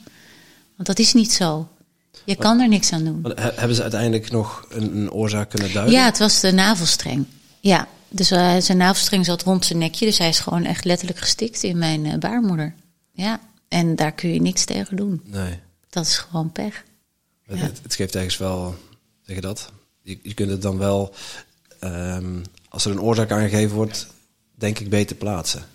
Ja, Maar, ja, maar ja. meestal vinden ze wel een oorzaak hoor. Of het nou eh, met het vruchtwater of ja, soms, sommige kindjes slikken vruchtwater in of hun eigen ontlastingen dat dat gebeurt. Dus ze vinden meestal wel een oorzaak terug. Ja. Maar Ja. bij mij was het al heel snel heel duidelijk wat het was. Ja. En hoe, hoe, ging, hoe ging jouw gezin daarmee om? Want ik kan me voorstellen dat i- ieder gezinslid zijn eigen Ja. manier heeft om daarmee om te gaan. Ja. Jij bent hands-on, eh, je mouwen opstopen en aan de slag. ja. Eh, en, en in jouw geval dan werken aan jezelf, jezelf Mhm. heden. Hoe, hoe gingen jouw kinderen daarmee om? Eh, mijn kinderen hebben het heel mooi opgepakt eigenlijk. De school waar ze op zaten, dat was toen nog de lagere school. Was ook heel erg betrokken erbij. Echt alle kinderen van die school hebben een tekening gemaakt. Uh, ze hebben echt een kaarsje gebrand in de klas. Uh, het was echt heel bijzonder. En um, ja, ze zijn daar echt goed mee omgegaan. Allebei heel verschillend, want ik weet dat de jongste die uh, zei in het begin al gelijk: ik wil hem zien. Hè? Toen het net was gebeurd, ja, leg je natuurlijk je kinderen uit wat er is gebeurd en oké, wil je je broertje zien? Uh, want het is niet verplicht. Hè? Voel, je, voel je ook niet gedwongen, maar wat voel je zelf? Wil je dat of wil je het niet? En de jongste zei: ja, dat wil ik. En de oudste zei: nee, dat wil ik niet. Dus nou, de jongste had Joshua gelijk gezien en die, daar die keek ernaar en die zei: Oh, nou, mam, het is net alsof hij slaapt. Weet je zo. Mm, Helemaal niks gewoon kinderlogica. En uh, de oudste is pas later meegegaan naar het mortuarium. En die had ook echt zoiets van: Oh, mijn mama, wat lijkt hij op, uh, op Senna, hè, de jongste? En oh, wat heeft hij veel haar? En oh ja, oh wauw, weet je, die was helemaal ontgoocheld ook een beetje. En met de begrafenis, ja, zijn ze gewoon enorm. Uh, in de weer geweest met tekeningen. En ze hadden geld geplakt op een, uh, een briefje. Met van dat hij een ijsje kon kopen in de hemel. Weet je, allemaal dat soort dingen. Ja, dat is natuurlijk zo mooi om te zien. Dat ze dat allemaal uh, bedenken gewoon. Ja, ja, dan maakt het dan zelf om... Uh, ja, manier om, op hun manier. ja, ja, en daarna ook. hij is altijd bespreekbaar in ons gezin. Het is nooit. ik heb een heel mooi boekje erover gemaakt. Met allemaal mooie foto's. Um, de kinderen, op een gegeven moment zijn we op vakantie gegaan en dan zeiden ze ook echt van, oh, dit zou dan nu de eerste keer geweest zijn voor Joshua dat hij mee zou zijn gegaan. En ik zo, ja, ja. En wat denk je dan wat hij dan hier zou doen? Ja, lastig. Hij zal wel heel lastig en vervelend zijn, weet je zo. En, uh, en zo blijft hij wel uh, aanwezig ook in het gezin, want dat vind ik ook wel heel belangrijk, uh, dat hij er wel bij blijft. En ik begin er helemaal niet zelf altijd over hoor, maar het zijn meestal de kinderen die erover beginnen. Ja. Ja. Doordat het bespreekbaar is, is het ook Ja, een, en omdat ze, dat ze ook. Mensen. Ja, ze mogen alles vragen en alles zeggen ook. Dat is allemaal oké. Okay. Ja, en elk jaar vieren we ook gewoon bewust zijn verjaardag. In plaats ja. van zijn sterfdag kies ik ervoor om zijn geboortedag te vieren. En uh, die jongens mogen dat invullen. En de ene keer is dat uh, taart uh, met ballonnen en een cadeautje in de lucht. En de andere keer gaan we naar, ja, we gaan wel altijd naar zijn begraafplaats, maar Um, het zijn verschillende. We afgelopen jaar hebben we, wat hebben we nu gedaan? Oh, je hadden taart gegeten en uh, we hadden hier ballonnen losgelaten met een cadeautje eraan, wat dan de lucht in ging. En daarna zijn we naar zijn uh, grafje geweest en hebben daar gewoon mooie bloemen neergelegd. Maar we hebben daar ook wel eens cadeautjes neergelegd of uh, daar de ballonnen losgelaten. Um, ja, het is wel. Ja, zeker. En dan, ja, Sergio uh, was dan, ja. Uh, ja. die deed dan ook op zijn manier waarschijnlijk. Ja, die is vooral gevlucht in zijn werk. In zijn werk, ja. ja dat is ook wel typisch vermoeden. een beetje mannen, ja. hè. Dat dat... Uh, en ik, ik, ik heb ook echt wel geleerd in die periode dat je elkaar daarin vrij moet laten. Je kunt niet verwachten dat je allebei op dezelfde manier daarmee omgaat. En we waren daar in die tijd wel echt voor elkaar. Dat heeft ons wel sterker gemaakt. Want heel veel mensen vragen ook: is dat dan de aanleiding geweest van jullie relatiebreuk? En ik zeg nee, totaal niet. Want op dat moment waren wij juist heel erg met elkaar verbonden. Dus, uh, maar iedereen gaat anders om met, met verlies. Dat is gewoon zo. Ja, maar elkaar daar wel vrij in laten is wel een belangrijke. Mm -hmm. Wat ik hoor zeggen is ja. wel, uh, wel waardevol. Heel waardevol, ja. En als hij zijn moment had van verdriet, dan was ik daar voor hem. En we liepen ook niet synchroon daarin hoor. En als ik verdriet had, nou, dan was hij daar voor mij. En uh, ja, ik, ik kon hem ook die ruimte geven om het op zijn manier te verwerken. Ja. ja. Hij heeft natuurlijk niet zoveel last van die hormonen. Nee, nee, nee. De eerste, die ja. eerste maand. Maar jij, jij bent aan de slag gegaan met jezelf. Je, je noemde net uh, veel diabetes. Uh, zijn er nog mensen, dingen op jouw pad? Uh, heb je nog dingen opgezocht die jou geholpen hebben in jouw proces? Um, ja, ik ben heel erg aan de slag gegaan ook met um, Ho'oponopono. Ik weet niet of je daar wel ooit hebt ja. gehoord. Een Hawaiiaanse shamane, shamanistische ja, manier. Uh, over die vier zinnen van... Spijt me, vergeef me alsjeblieft. Uh, ik hou van jou, dankjewel. Dankjewel, ja, ja. klopt. Ja. En dat vind ik ook een hele mooie techniek. Die had... Ik kan net Honopono onthouden. Dus. Hopono. ja, Hoponopono. Ja, Hoponopono. Ja, nee, dat is, uh, vond ik eh, ook heel mooi, eh, dat pa- pakte mij. En dat is voor iedereen natuurlijk ook anders als je gaat googlen naar, ehm, naar healing of self-healing vooral dan. Je moet de dingen uitkiezen die je raken. Waarvan jij denkt, oh wauw, dat voelt goed, dat ga ik doen. En dat is voor iedereen verschillend. En dit raakte mij enorm, die vier zinnen, dat ik dacht, oh ja, ehm, hier, hier kan ik wat mee. Dus ik had die echt op mijn badkamerdeurtje zo geschreven. En elke ochtend en elke avond deed ik die zinnen. En, en ja, bij mij gaf dat gelijk vrijheid. Het maakte ruimte echt letterlijk in mij. Dat ik dacht, oh, dat, het ruimde op. En ehm, ja, affirmaties werken ook heel krachtig. Gewoon continu tegen jezelf blijven zeggen van je bent sterk, je bent krachtig. Ik, ehm, eh, ik heel mijn lichaam, ik eh, ben trots op mijn lichaam, ik ben een goede moeder. Ehm, en, en zo kwam ik ook wel terecht bij EFT, EFT, Ja. Emotional Freedom Technique, Ja. tappen. Tappen, Ja. ja.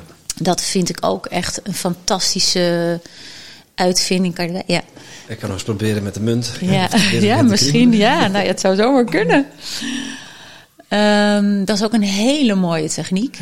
Heel veel boeken over gelezen. Ehm, en ja, gewoon ehm, echt gekeken van oké, wat heb ik nodig? Hè, welke, welke zinnen moet ik voor mijzelf eh, formuleren om, om, om vrij te komen van, van die ballast eigenlijk, van die, van die pijn. En in, in zo'n zo'n tapping is eigenlijk vijf minuten. Ja. En als je dat al doet, ik weet niet, jullie kennen het? Ja, ik Ja, ken we het. hebben ook iemand te gast gehad die het... eh, oh ja, die nou, het dus je hebt het wel eens gedaan. Ja, Nou, dan voel je je toch in na vijf minuten anders. Zeker. Zeker, ja. En de grap is... heel andere staat. Ja. Ja. Je hebt dat dan allemaal... Je hebt, eh, we hebben al zoveel mogen ervaren. En eh, Reiki ook. Maar dan, soms als je het al wat moeilijk hebt, vergeet je dat gewoon te doen. Hè. Je hebt er Ah, zo'n ja, ja, ja. toolkit met van Ja, alles erin. ja. En dan voel je je ja, toch wat belabberd. En terwijl dat je dan achteraf... Ah ja, ik heb zoveel tot mijn beschikking om iets te doen. Ja, Maar dan de en moment zelf... Maar het is zo lekker in die slachtofferrol, Tom. Oh, oh, mezelf maar zo- marineren in mijn eigen Oh, ellende. echt? Ja? Nee, Nee. nee, Ik heb wel eens momentjes hoor, ja. Ja? Oh nee, dat heb ik niet. Ik ben gelijk, hup, mindset omslaan, er doorheen. En Het gaat redelijk EFT, snel om, even maar- tappen Ja. en Ja, eh, ja, ja. woep, En ben is er het, vanaf. eh, het is ook wel het heel snel omdenken. En is Ja. het dan, maar dat is dan ook zo'n verschil om het, het verdriet te gaan toelaten en het niet direct te willen fixen. Dat is zo toch wel een dunne koord. Een dunne koord. Nou ja, je moet vooral je verdriet omarmen. Ja. Want als je dat niet doet, je in die verdriet dus niet erkent, krijg je het op een latere manier wel ergens terug. Ja. En dubbel zo hard. Dus je moet wel je verdriet erkennen, omarmen, er doorheen gaan en juist die pijn, die confrontatie aangaan. Want dat is verwerken. Ja. Als je dat niet doet en het wegstopt en er niet aangaat, de confrontatie daar nee- niet mee durft aan te gaan, ja, dan gaat je lichaam andere signalen uiteindelijk wel eh, Klopt. geven. Dat is een, wel een belangrijke nuance, want eh, anders kan je vluchten van de ene techniek Ja. naar de andere en het gewoon niet willen gaan voelen Nee. eh, wat dat er zit. Nee, maar ik ben echt, ik ben een, een yoga freak. Ehm, en ik ben echt boven eh, op mijn matje gaan liggen. En echt, nou, kom maar, weet je? Kom maar met die pijn. Waar voel ik mijn pijn? Waar zit mijn pijn vandaag? Oké, het zit in mijn buik, het zit in mijn hart, het zit in mijn hoofd. En ik ben daar echt naartoe gegaan met meditaties, met bepaalde yoga-oefeningen. Ben ik er echt, nou echt gewoon, naar, echt, echt erin gaan zitten. Nou, en dan vreselijk huilen en vreselijke boosheid, woede, en slaan en schoppen en hysterisch daar op die grond, maar wel bevrijdend. Iedere keer na zo'n sessie was ik wel zo, hè, hè? Even een theetje. Ja, ja, ja. Het is eruit. Dat gevoel. ja. Ja. Wat dat bij mij zo werkt, dat- is nu zo op ons pad gekomen, het breathwork. Zo. Echt Ah ja, die wel, eh, fire breathwork? Ja, ja, Of, ja. ja, zo de adem, verbindende ademhaling. Dat, Ja. Ja. Zo, als je dat drie kwartier doet, Ja. we hebben dus iemand die intuïtief pianist is en die begeleidt dan met een drum, hè, met een drum en Mhm. dan piano en zo, om je echt wel door die processen heen te gaan. Dus ja. dat is wel heel eh, Mooi. mooi. om dat op die manier ook te ervaren. Ja. Ja, wat is, zoals je zegt, veel mensen zeggen, oké, affirmaties opzeggen, maar er is nog een verschil. Ze zeggen, maar ze ook daadwerkelijk gaan voelen en ze Je ook gaan ze geloven. Hè? Ja, maar dat ben ik wel van mening, dat gebeurt uiteindelijk wel. Dus je begint in eerste instantie, je zegt die affirmaties van ik bijvoorbeeld, ik vergeef mijn lichaam. Ja, in het begin als je die zegt, denk je ja, ik vergeef mijn lichaam. ik voel het niet, hè? Ik zeg het wel, maar ik voel dit echt nog niet. Je hoofd zeg je eigenlijk niet achter. Ja, maar als je dat eh, een paar weken doet, ik zeg altijd die affirmaties, geef nu gewoon 21 dagen jezelf de tijd daarvoor. En na die 21 dagen ga je ze voelen en ga je ze geloven. Want dat is natuurlijk het allerbelangrijkste, dat je ze gelooft. Want als je ze niet gelooft, gaan ze ook hun werking niet doen. Maar de eerste week geloof je ze echt niet allemaal. Dat, dat, is, ja, dat gaat gewoon niet. Maar uiteindelijk, door dat te blijven herhalen, ga je ze geloven en creëer je natuurlijk je eigen werkelijkheid. Dus in hypnose noemen ze dat ook de blackjack rule. Blackjack, ja. Ja, ja. dat is inderdaad. eh, Ja. ja. klopt wel. Ja. Dan ga je het eh, ja, geloven als, een waarheid. Hè? Dat is ook wat onze nu mainstream media. Als ze dat blijven herhalen, ja, ga je het ook aannemen het als aannemen, werkelijkheid. Als, eh, ja, Dat is nu toch ook zo met dat manifesteren en zo, met iedereen. dat is natuurlijk nu uh, ja, hot uh, topic. Uh, Ja. Is het een hot topic, manifesteren? ja, de wet van de Ja, de aantrekkingskracht. wet van de en, eh, aantrekkingskracht. ja, ja, ja, ja. En uh, iedereen is aan het manifesteren. Jullie niet? Ja, ja, ja. Wij doen niet anders. Ja. Ja, nee, maar dat is ook iets waarin je een, een nieuwe tijdlijn voor jezelf moet creëren. Die jij wil zijn of wat jij wil worden. Dat ben jij al. Dus dat manifesteer je. Is gewoon op die vibratie zitten, hè? Ja. Om dan het naar jou toe te laten komen. Wat is er al uiteindelijk? Het is er al. Ja, je moet gewoon tegen jezelf zeggen: Ik heb het al. Ik heb het al, ja. Ja, of ik is- ben het al. Ik ben het al. Dat is inderdaad, ja. daar lees je veel van. Ja, als je iets wilt bereiken of zo, zie je maar al alsof je het al hebt. En voel dat ook in elke cel van je lichaam. Dan komt het wel naar je toe. Ja. En eh, ja, als je dat met je mind probeert te snappen, dan... Dat eh, gaat toch niet? nee, nee. Nee, dat is echt. Leg dat maar eens uit aan iemand. Dat Ja. is gewoon. Dan zeggen ze koekoe. Ja, eh, gaat het goed? Ja, het gaat goed. Die, die affirmaties opzeggen is één ding, maar je, je moet er dan vervolgens ook wel iets mee aan doen, hè? Met die affirmaties. Affirmaties zijn er om Als te je- zijn. Pardon. Oh, Nou, het, ik denk, ik heb katten. Ben je misschien allergisch voor katten? eh, ik heb geen idee. Nee. Ja. Nee. Nee. Hij doet zelf een altijd om dus- Oh ja. Om de aandacht te trekken als ik niet Ja. aan Ja, het ja, woord ja. ben. Stond te lang praat, dan... eh, Dan ben jij aan het worden, ja. Nee, ehm, ik, ik ben wel benieuwd. Ik ben een beetje de draad kwijt nu. Nee, Met Ja, je- affirmaties. Ik- Ja, affirmaties. eigenlijk. Ja. Dus Ja. eigenlijk is het goed dat de... Je je, je, hebt, je hebt affirmaties en mensen, me- mensen zeggen eh, bepaalde dingen, te- of jij zegt dan bepaalde dingen tegen jezelf om je in een bepaalde staat te brengen. Eh, maar ik ben er wel van overtuigd dat je daarna ook nog iets moet doen met, tenminste, gewoon zijn is ook oké. Ja, Zeker als je, eh, als, je, als je jezelf bepaalde dingen vergeeft, Mhm. als je vindt dat je eh, goed genoeg bent. Maar wat ik, wat ik het mooie vind aan affirmaties, is dat je op een gegeven moment ook naar begint te handelen. Dat je dingen anders begint Ja, te zien, anders begint aan te pakken. tuurlijk. En dat is het moment waar ze, waar ze heel krachtig worden. Ja. Hoe, hoe, heb, je, hoe heb jij dat ervaren? Wa- Wanneer is de 21 Eh, dagen regel heb jij voor jezelf? Nou ja, ik heb die, die 21 dagen regel, maar ik, ik doe nog, nog dagelijks eigenlijk mijn affirmaties. En eh, dat, die veranderen ook steeds, die affirmaties. Dus het, het heeft ook een beetje te maken in, eh, in, in welke situatie je zit. Ehm, ik zit even te denken. Een affirmatie die je continu blijft uitspreken, wordt natuurlijk uiteindelijk je waarheid. Eh, en het gaat erom dat je hoofd, eh, die hoeft het niet zozeer te snappen als je lichaam het maar voelt. Hmm, dat is mooi gezegd. Dan ga je gewoon de situaties op je pad krijgen, zodat Ja. die affirmaties waarheid worden. Ja, maar de affirmatie bijvoorbeeld van ik ben sterk of ik ben krachtig of ik ben geliefd of ik ben zelfverzekerd. Ehm, je wil niet, dat is dan niet zo dat je dan gelijk zelfverzekerd bent, maar je wordt wel zelfverzekerder dan voorheen. Of ehm, ik had bijvoorbeeld een, een, een affirmatie van ik eer het verlies van mijn zoontje. Nou, die, die gebruik ik nu niet meer, omdat dat gewoon, ja, dat is, dat is een onderdeel, dat is gewoon zo. En eh, dus affirmaties ehm, ja, veranderen ook met de tijd. En wat is voor jou een goede affirmatie? Ehm, wat ik nu heel vaak zeg is: ik ben goed genoeg. Alles is al goed. Eh, ik blijf nog steeds zeggen: ik ben sterk, ik ben krachtig, ik ben zelfverzekerd. Dat zijn wel de drie ook wel die ik altijd wel herhaal. Ehm, het is ook heel belangrijk om gewoon tegen jezelf te zeggen: ik hou van je. Dat zeggen mensen namelijk niet tegen zichzelf. Wel tegen een ander heel vaak, maar gewoon tegen jezelf. Maar als je dat zegt, moet je maar eens opletten hoe dat resoneert in je lichaam. Dat is heel raar. Ik hou van jezelf. Ik, ik, hou, ik hou van je, Miek. Ja. Ik hou van mezelf. En dan nog een keer in de spiegel kijken. En dan nog jezelf aankijken. Ja. Nou, ik weet niet of jullie dat wel eens hebben gedaan. Maar Ja. dat is echt, Ja, vind dat ik, is confronterend. heel confronterend. Zeker als je zelf in de spiegel in je ogen aankijkt. Toch? En, eh, Maar heel mooi. ja. Ja.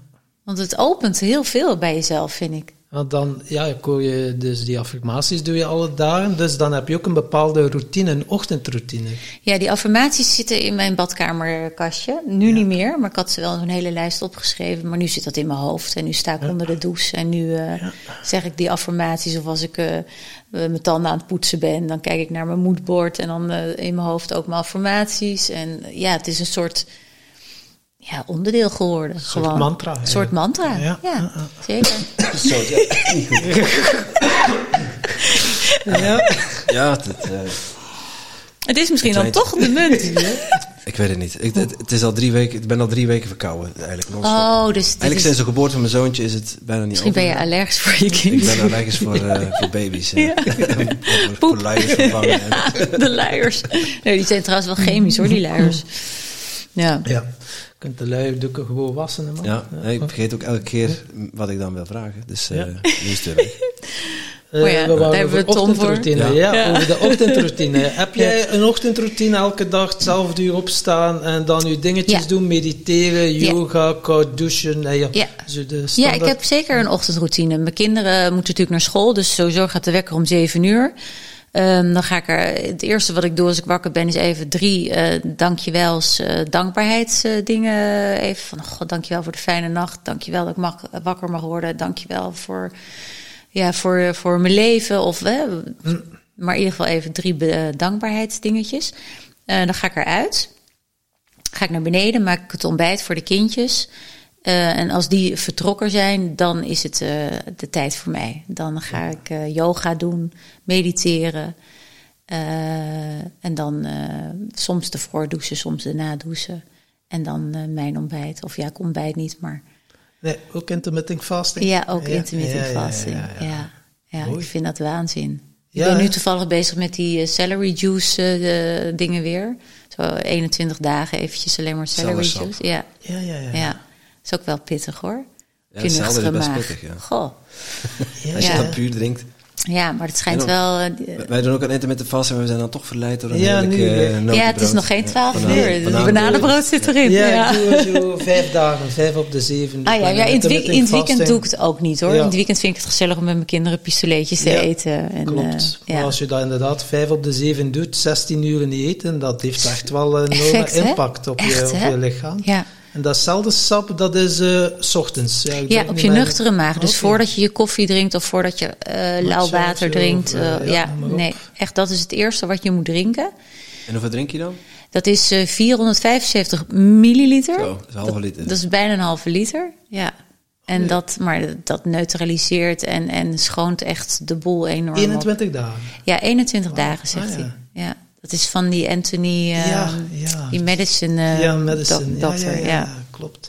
ja. En nog niet begonnen met eh, prana living? Gewoon niet meer weten? Ja, ik heb er wel over gelezen. Ik vind het wel zeer interessant. Ja, het triggert mij wel. Ik had, eh, was in die pizza eh, bij iemand. Allee, die ook in onze podcast was geweest. En haar vriend, die heeft nu de Santiago Compostela gewandeld. Je, enkel op Maxime water. en- eh, Enkel op water? Enkel op water. Dus En? veer- eh, ja, is net nu toegekomen. Dus 40 dagen niet gegeten. En, eh, ja, het is natuurlijk wel een proces van twee jaar. Ze zijn begonnen met eh, zo, eh, dat is dan een week dat je doet. En Ja. doe je wel bepaalde oefeningen. Dus je cellen, vooral die dan ze pranisch zijn, Ja. heeft wel Heeft eh, anderhalf jaar, twee jaar Oh, nodig. zo lang toch nog? Ja, en dan nu kan zij zelf beslissen, bijvoorbeeld, ja, een week niet eten. Ja. Maar ja, hebben dan in Ibiza even gezeten. Had ze dan wel iets, dus je hebt nog altijd de vrije keuze. Maar ik vind het wel fascinerend als je de vrije keuze hebt. Dus Ja. dat je zegt van, nu ga ik een keer 14 dagen niet, Niet eten. eten. En de- ja, heel fit en vitaal uitzien. Ja, dus Wauw. niet dat je dan zo Nee. eh, uitgemergeld bent. Dus ik vind het wel eh, bijzonder alleszins. Ja, dat Ja. is wel... eh, Nou ja, je hebt Bij u had er ook meer nodig zijn dan 14 aan om je uit te merken. Dat zou wel kunnen, maar... eh, Maar ik vind die, die, die, eh, die- de veganisten en zo, of die mensen die zo raw food, dat is ook al een heel proces hoor. Dat is ook al iets eh, dat ik denk, hoe hou je dat vol? Weet je, dat Ja. je niks mag eh, boven de 40 of 60 graden of zo is met die raw food. Alles moet in zo'n droogoven. eh ja, alles is koud. Ik ben wel iemand die soms wel een warme soep nodig heeft. Ja, en dat is eigenlijk die diepe overtuiging dat we hebben, dat we Ja. eten en drinken nodig hebben om te kunnen leven. Mhm. Maar dat is ook zo diep ingeprogrammeerd. Die Amudra, ik weet het niet hoeveel jaar dat die al niet meer eet. Mhm. Hij is in de 50, maar die ziet er gewoon fantastisch, Fantastisch uit. Dan uit, heb je zoiets ja. van, wauw, het, en het is voor iedereen ook mogelijk. Ja. En dat, maar zei ze ook, want die eh, Maxime die begeleidt dan, ze hebben nu laatst weer zo'n retreat begeleid, mensen die dan eens iets hebben van, ah, ik ga dat doen, want ik wil afvallen. Ja, nee. Niks, hè. Nee. Nee. Of mensen die dat doen, oh shit, ik ga nog wat magerder worden. Ja. Het is van dat, hè. Dus uw angst eh, zorgt er wel voor dat het dat wel bereikt. Ja, ja, ja. Dus dat is echt wel heel bijzonder. eh, Ja. Hoe dat, dat van, voor de ene mens en de andere... zo Zou je het kunnen? Ik heb het een keer drie dagen niet gegeten en niet gedronken. Dus 72 uur En? heb ik eh, gedaan.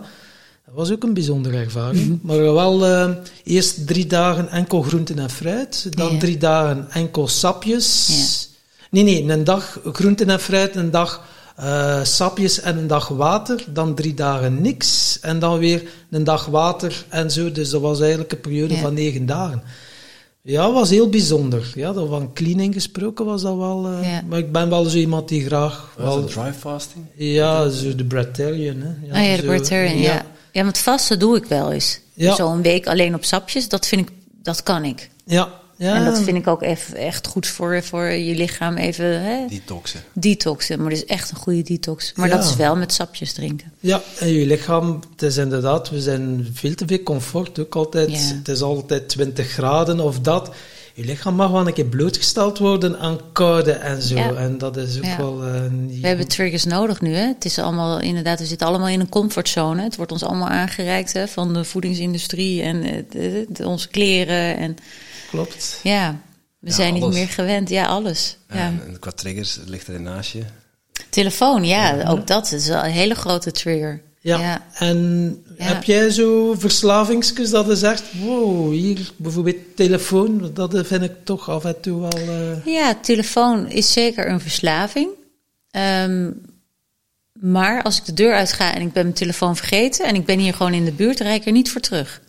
Vind ik al knap. Ja, ja, ja, maar goed, als ik de, de grens over moet of naar Amsterdam moet, weet je, een hele dag weg ben, dan wel. Ja, ja, ja. Maar dat is ook een beetje meer, de, niet zozeer de gedachte van ik ben dan niet bereikbaar, maar meer de gedachte oh, als er iets is, is met mijn kinderen. Ja, Dat al is eigenlijk- Ze hebben al die praatpalen weggehaald. Hè? Welke praat? ah, Ja, de- onderweg met pech met de auto. Oh, Vroeger zo. Oh, zo, dat. Ja, ja, ja, ja, ja. Kon je even je melden. thuis, ja, dat Ja. je niet bereikbaar bent. Ja, dat, dat is het eigenlijk het enige, dat ik dat wel belangrijk vind. Maar zeker, tuurlijk, ik ben ook verslaafd aan mijn telefoon. eh, wil ik zonder mijn telefoon? Nee, ik wil ook niet zonder mijn telefoon. Dus Het is ook functioneel natuurlijk. het is functioneel, het is ook een stukje werk bij mij. Ja. Hè, mijn Instagram, heeft, ja, is ook werk. Dus ehm, En jij krijgt er energie van. Eh, hier zitten er twee recht tegenover u. Oeh, het kost ons vooral energie. het kost je energie. Ja. Je krijgt er geen energie van, nee. Nee. Nee, tenzij er iemand belt met een leuk gesprek of een leuk nieuwtje, dan krijg- geeft het je energie. Ja, ja, ja, ja, ja, ja. Maar nee, het kost je energie. Dus ik ben daar wel eh, voorzichtig in. Maar ik betrap me er ook wel eens op als ik eh, een uur niks te doen heb of zo. En ik ga zitten en ik pak niet mijn boek, maar mijn telefoon. En ik begin op Instagram of TikTok of whatever. Dan ben ik een uur later, zit ik er nog op. Word ik gewoon in meegezogen. Dat ik denk, nou Elimiek, ik had gewoon dit uur even kunnen lezen. Of ik had dit uur wat Ja. anders kunnen doen. What kattenfilmpjes happened? Ja. Ja. ja. en ik ben gewoon nu gebrainwashed, weet je, door alles wat ik zie. Ja, maar dat is Ja, het. want Maar dat jij- is het ook natuurlijk, hè. Je En jij bent ook wel enorm gevoed. bezig met eh, persoonlijke groei. Heb je dan zo niet, zo ja, het wordt wel al een keer gezegd, ja, persoonlijke groei-junkies of zo, elke keer dingen gaan experimenteren of eh, op zoek naar iets. Is dat eerder zo op zoek of is het vooral het gaan ervaren? Want Albert Sonneveld zei het zo mooi, ja, eigenlijk als je constant eh, opleidingen volgt en boeken leest, eigenlijk zeg je tegen je onderbewuste dat je nog niet goed genoeg bent. Ja, dat klopt. Dat is zo. Dat zeg ik, denk ik, zeker tegen mijn onderbewuste. Maar dat komt gewoon ook omdat ik wil groeien. Omdat ik veel Ja. dingen wil leren. Omdat ik Ja, veel ja. van andere dingen meer wil weten. Ja. Dus ik ben heel nieuwsgierig van hoe Hmm. zit dat nou? En, en, en hoe, werkt dat, hoe werkt dat? Of hoe zit dat in elkaar? Dus ik vind het wel heel leuk om te lezen. En om inderdaad cursussen te volgen. Om, nou, ik doe nu die hypnosecursus bij hè, Edwin Selei. Waarom? Ik ga er niks mee doen, weet je. Ik ga geen praktijk beginnen. Ik ga geen mensen in hypnose brengen. Maar ik wil het wel. Ik wil weten hoe ik het moet doen. Of dat ik het kan toepassen op mezelf. Of dat ik andere dingen beter leer begrijpen. Of Ja. dus op een gegeven moment heb je natuurlijk wel een, eh, een kit met heel veel tools. Hè? Dat je denkt van oké, eh, ik eh, kan nu van alles. Maar Ja. Ja. en Edwin Selei zou zeggen, natuurlijk niet, kun je onmogelijk iemand in hypnose brengen, want iedereen is al in hypnose. Ja, je moet ze uit hypnose uit brengen. hypnose halen, zegt hij altijd. Ja. Een andere hypnose. En ze in een Ja. andere hypnose Ja. steken. Ja. en als je er diep over nadenkt, ja. het is, klopt ook gewoon. Iedereen zit zo in een hypnose in zijn verhaal en het is Ja. maar wat vertel je tegen jezelf. Ja, ja, dat is het allerbelangrijkste. En wat is de waarheid? Hè? ja wat Wat, is, eh, Hoe weet jij dat? Dat weet ik niet. Ik weet niet wat de waarheid is. Maar ik zie wel steeds meer dingen waardoor ik eh, ga twijfelen dat, aan een bepaalde waarheid.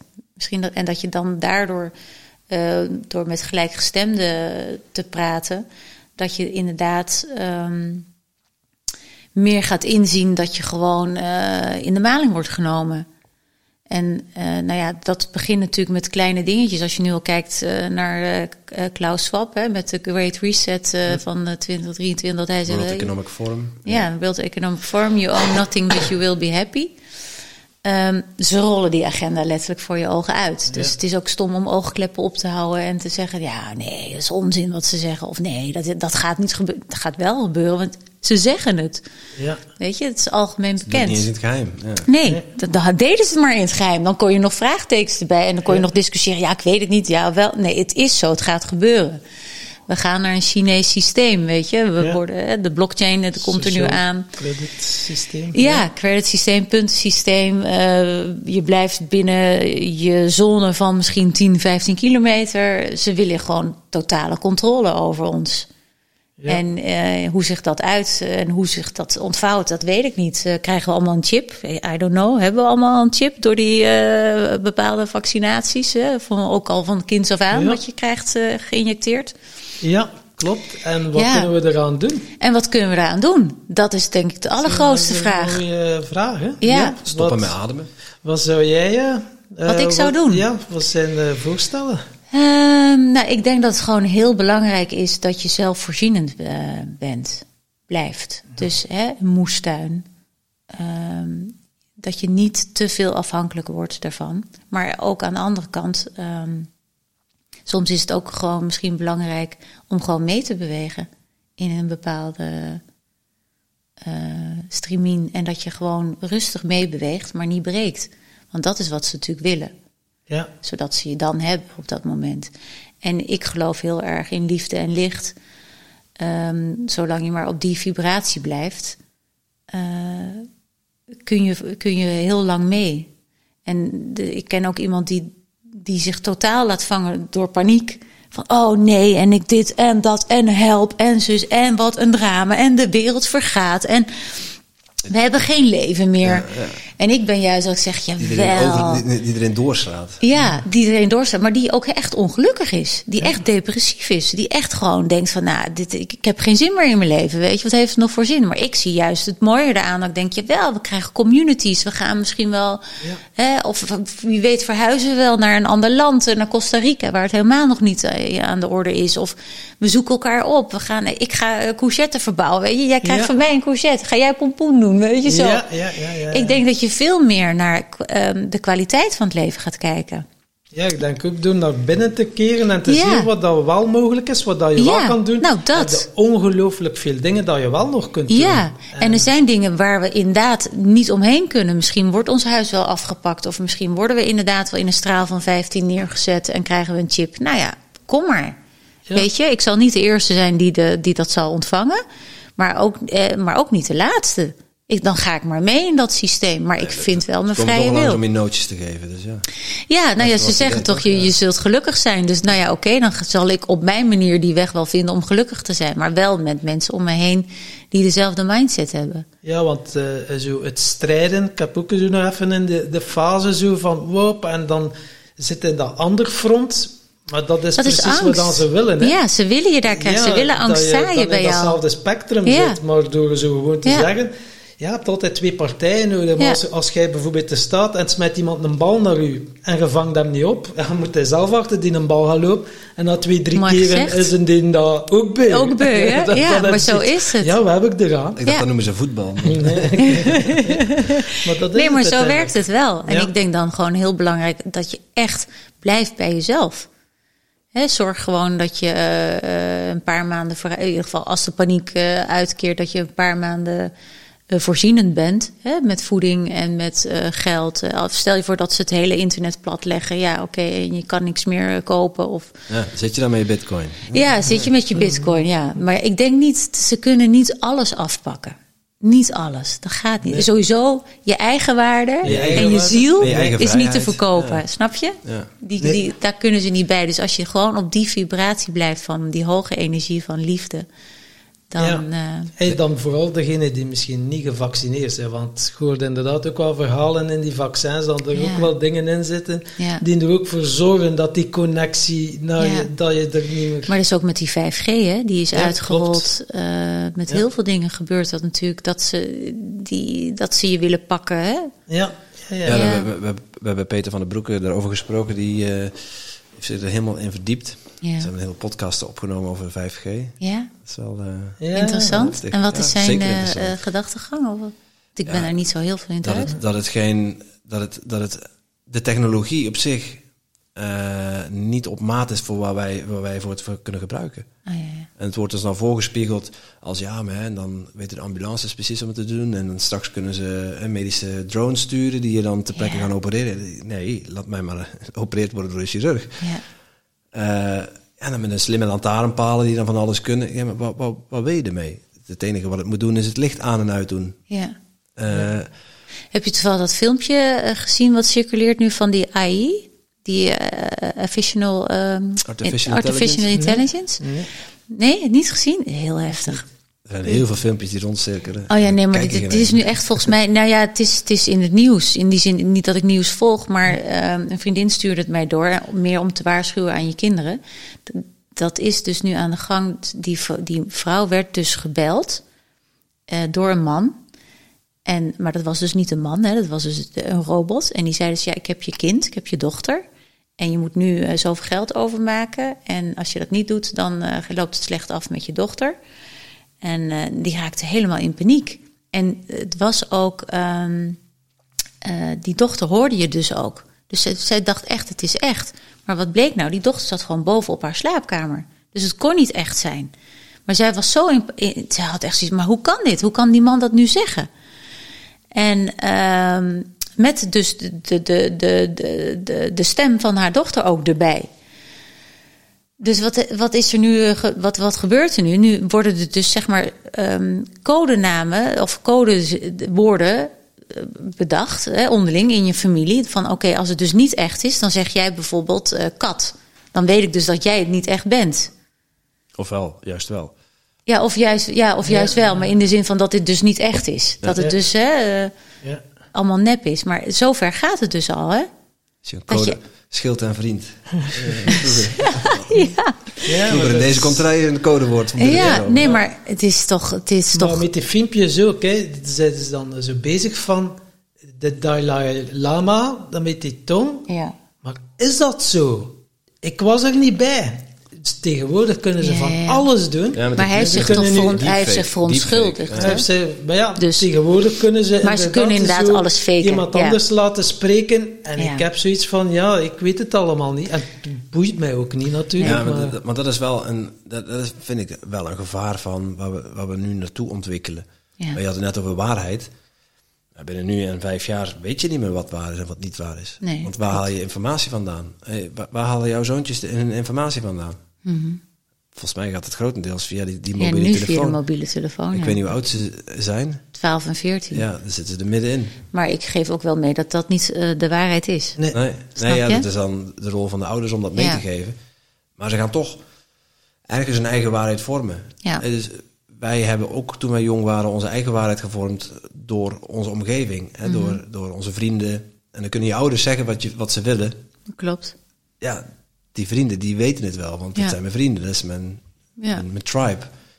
En nu is die tribe online en heb je er geen grip meer op. Mhm. Je, je ziet het ook niet als ouder. Ik vind het een... eh, Ik denk Ja. wel dat je ik zeg niet dat ik er depressief van ga worden. Dat ben ik, ook de- ik zie ook de mooie kanten ervan. Ja. Ik, denk wel dat je mag vertrouwen op je lichaam. Ja. Je lichaam weet het altijd. Weet en inderdaad, als je onderzoekt en je stelt je die vragen, en je gaat gaan voelen en je gaat gaan leven volgens je authenticiteit, je unieke kleur, dan doe je de juiste dingen. Ja. En, maar ja, omdat... En ik geloof ook wel, het leven is voor jou en niet tegen jou. Ja. Als je dan gaat praten over je zielsmissie, wat je zielsmissie is, dan valt eigenlijk het hele eh, eh, World Economic Forum valt dan weer weg in mijn ogen. Ja. Want dan denk ik, ja, oké, die kant heb je ook nog. Ja. De kant van liefde en, en, en eh, de spiritualiteit. En licht kan niet bestaan zonder donker. Juist. Zo simpel is Dus je zult in Dus- mijn ogen altijd die twee werelden houden. Dus kies jij dan inderdaad voor die vibratie of kies je voor die andere vibratie? ja. En dan denk ik, hoe meer je dus inderdaad naar je, je hart luistert hè, en je zielsmissie volgt, hoe meer zij grip denk ik op je kunnen krijgen.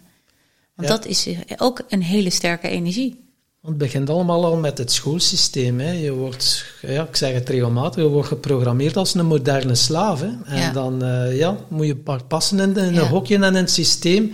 En dan verdien je net zoveel geld dat je bijvoorbeeld twee, drie keer op, eh, of één keer op reis kunt gaan. Ja. Je krijgt In uw geval drie 20 keer, of ja. 30 Ja. verlofdagen.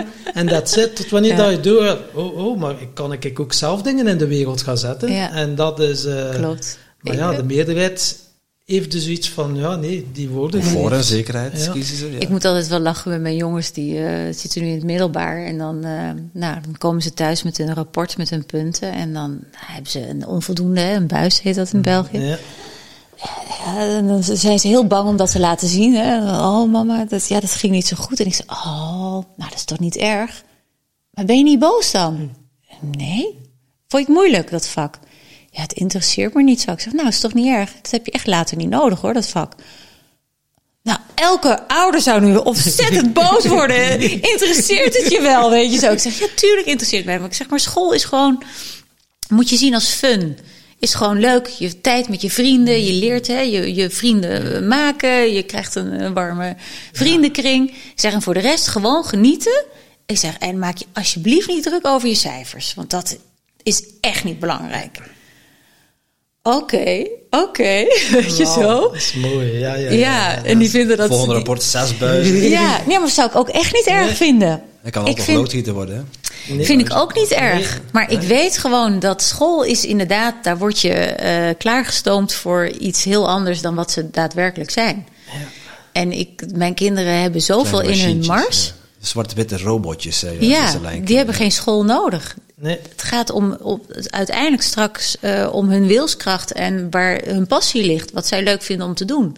En daar heb je echt niet eh, een universitaire diploma nee, voor nodig. Gewoon gaan ontdekken en Ja. zien wat dat bij jou past. En door dingen te doen weten, ah ja, dat past bij mij of dat past niet bij mij. absoluut. En dat is het. Ja, aan de andere kant, als het een diploma het resultaat is van iets wat je leuk vindt om te leren, is het eh, heel mooi meegenomen. Dan is het Ja. mooi meegenomen, maar is het een verplichting? Nee. Nee.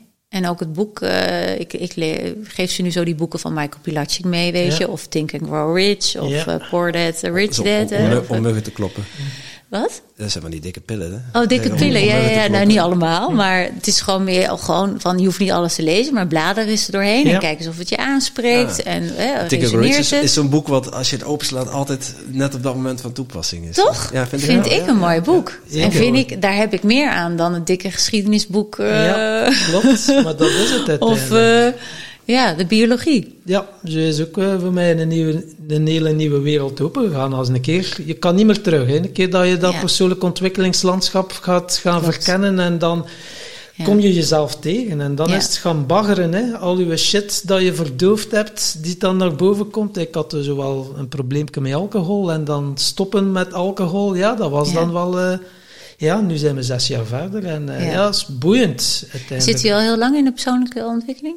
Jullie? Vier, vier of vijf jaar nu? Zes Ah, jaar, Oh ja, oh denk ja, ik nu. ja. Ja, het is Ja. wel zo af en toe zo een keer gekomen. Ik heb altijd ambtenaar geweest, dus ik heb echt twintig jaar in het systeem gezeten. Wauw. En dan er ook uitgestapt, Ja. 2017 of zo. En dan, eh, ja, wat moet ik nu gaan doen? En dan hypnose beginnen doen en coaching en begeleiding. En nu zijn we onze podcast verder aan het uitrollen, omdat dat ook echt wel mijn passie is, of onze Ja. passie is. Dus de persoonlijke groei en gaan ontdekken en eh, Beetje mensen inspireren. Ja. Speeltuin, ja. Ja, mensen inspireren. Gewoon Ja. onszelf en anderen inspireren om persoonlijk te groeien. Dat is uiteindelijk wat ik hier te doen heb. Ja. En dat vind ik heel fijn om dat ook op die manier te ervaren. Ja. Maar, eh, maar ja, jong, het komt er niet aan. Hè. Het is wel uw shit aan te kijken. Hè.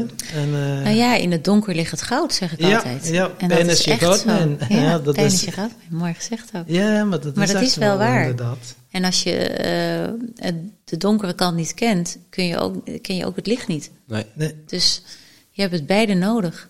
En het, gaat ook, het kan, ook, kan ook heel mooi samengaan. Eh, Je had het net over je, je levensmissie. Maar Als je je levensmissie doet, dan, dan voel je ook dat je gedragen wordt. Dan voel je ook dat je in een bepaalde richting geduwd wordt. Je kunt ook niet anders. En gaat alles vanzelf, hè? Het gaat lijkt een alsof het vanzelf hè, gaat. Het gaat Ja. een stuk makkelijker, en want je krijgt veel meer tegenwerking als je niet op het goede pad zit. Ja. Zo heb ik dat ook altijd wel ervaren. Dat ik dacht, Moeiteloos leven, maar als je er niet... eh, soms geeft het leven ook wel aan... Oh, even vertragen. Mhm. Dat vind ik wel een dingetje. Dat vind ik een moeilijke vertragen. Is dat voor jou? Als kan je heel niet- makkelijk. Vertragen? dus mijn- echt wel zeggen van... ja. En Oh ja, niets doen? Niks doen. Mijn spiritual animal is een schildpad. Nou, fantastisch. Het past echt bij mij. Wauw. Slow, eh, terug in mijn schild. eh, maar wel een heel sterk schild, weet je. Heel krachtig. Gaat, Ja. Wordt heel oud, weet je. Ja. Maar doet het wel op zijn manier, op zijn tempo. Wauw. Ah ja, Ja. dus echt wel voor jou is ja, ja, maar ik eh, heb dat echt geleerd omdat ik, ik woonde eh, in, heel lang in Amsterdam.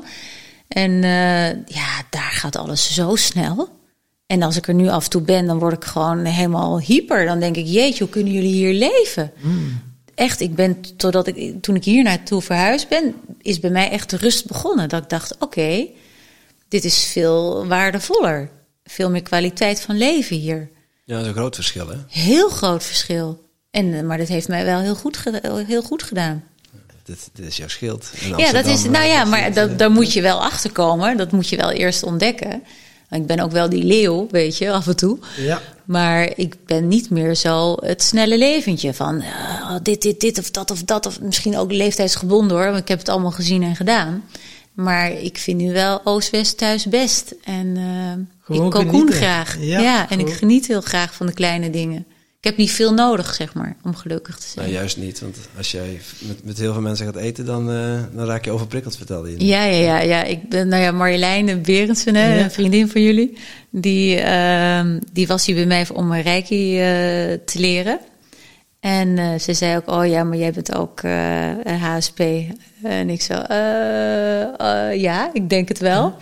En ehm, ja, dan zij eh, gaf dan echt zo'n bepaalde voorbeelden. En dan dacht ik, oh ja, daar herken ik me in. Oh ja, daar herken ik me in. Oh ja, daar herken Ja. ik me in. Dus ik ben heel graag op mezelf. Ik ben heel graag alleen. Ik kan heel goed alleen zijn. Ehm, maar ik moet ook wel soms uit die comfortzone. Daar moet ik uit. En dan, ik vind het superleuk om met mijn vriendinnen af te spreken. Maar die hoef ik niet dagelijks te zien.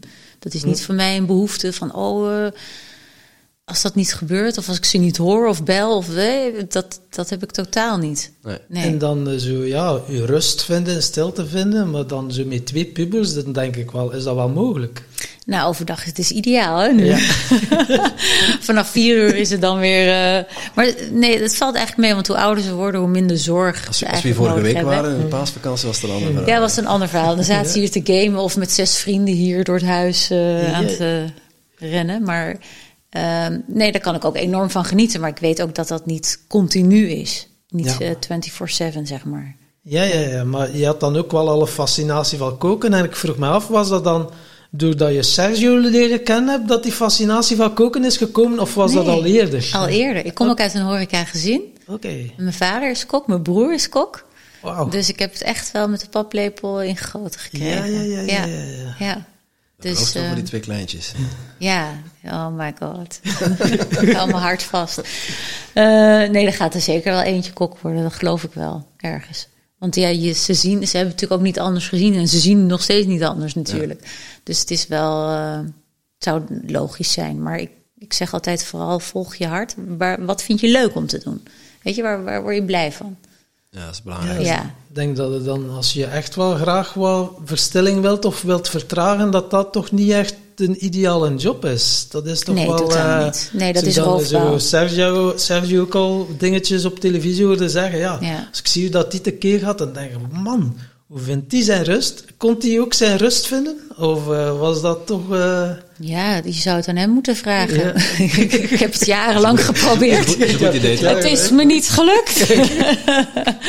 Hoe die dat nu doet, weet ik niet. Ja, ja, ja, dat is ook niet meer mijn pakje aan. ja, ja, maar er was altijd eh, constant die drive, ja. Ja, nog steeds denk Nog- ik wel. nog steeds, ja, Ja, maar die wordt ook een dagje ouder. Ja, op een gegeven moment zegt het lichaam genoeg. Na de 40 begint dat, hè?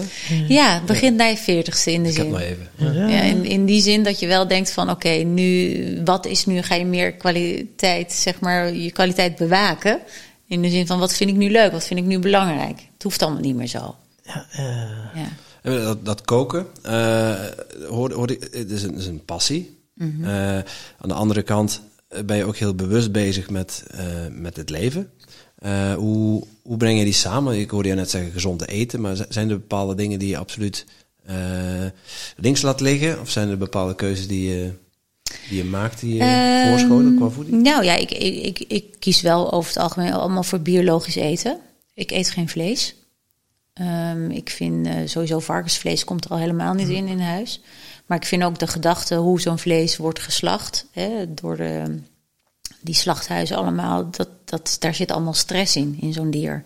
En als je dat dier dan opeet, of ongeacht of het een vis of een koe is of wat dan ook, ehm, dan dat, dat neem je in je lichaam. Dus je krijgt die stress, dat stress van dat beest, krijg je letterlijk in je lijf. En dat is, ja, dat kan niet goed zijn. Dat moet er ook weer uit ergens voor jou. Dus dat zal zich dan eh, ontvouwen op een, een of andere manier. Dus ik geloof wel heel erg in een bewuste keuze van bewuste voeding. Eh, of als je inderdaad wel een stuk vlees wil eten, weet dan waar je vlees vandaan komt. Hè? Ga dan naar een goede slager of naar iemand die inderdaad zijn eigen koeien eh, kweekt, zeg maar volgens. Mijn vader, en die is er net mee gestopt. Maar, Wat zeg je? met mijn vader die eh, kweekt. Oh ja, nou. Maar dan weet je wel wat er gebeurt en hoe ze Zeker, geslacht ja, worden. Hè? Ik, Of ik, hoe... ik weet, ik weet ook het verschil tussen een stuk kwaliteitsvlees of... Ja, dat proef je dan ook absoluut. ja, Ja, en ik, ik geloof wel heel erg in eh, wat heeft je lichaam nodig. Je hoeft niet drie keer per dag te eten. Nee. Ik heb s'avonds soms helemaal geen, geen trek. En denk, moet ik dan eten omdat het moet? Nee, dan drink ik gewoon een sapje of een, een beetje yoghurt eet ik. En ben ik ook al tevreden. Maar je moet natuurlijk wel aan je vitamine, mineralen eh, komen. Dus dat ergens eh, moet je dan toch wel, eh, of in ieder geval ergens een stukje fruit of iets van groente binnenkrijgen.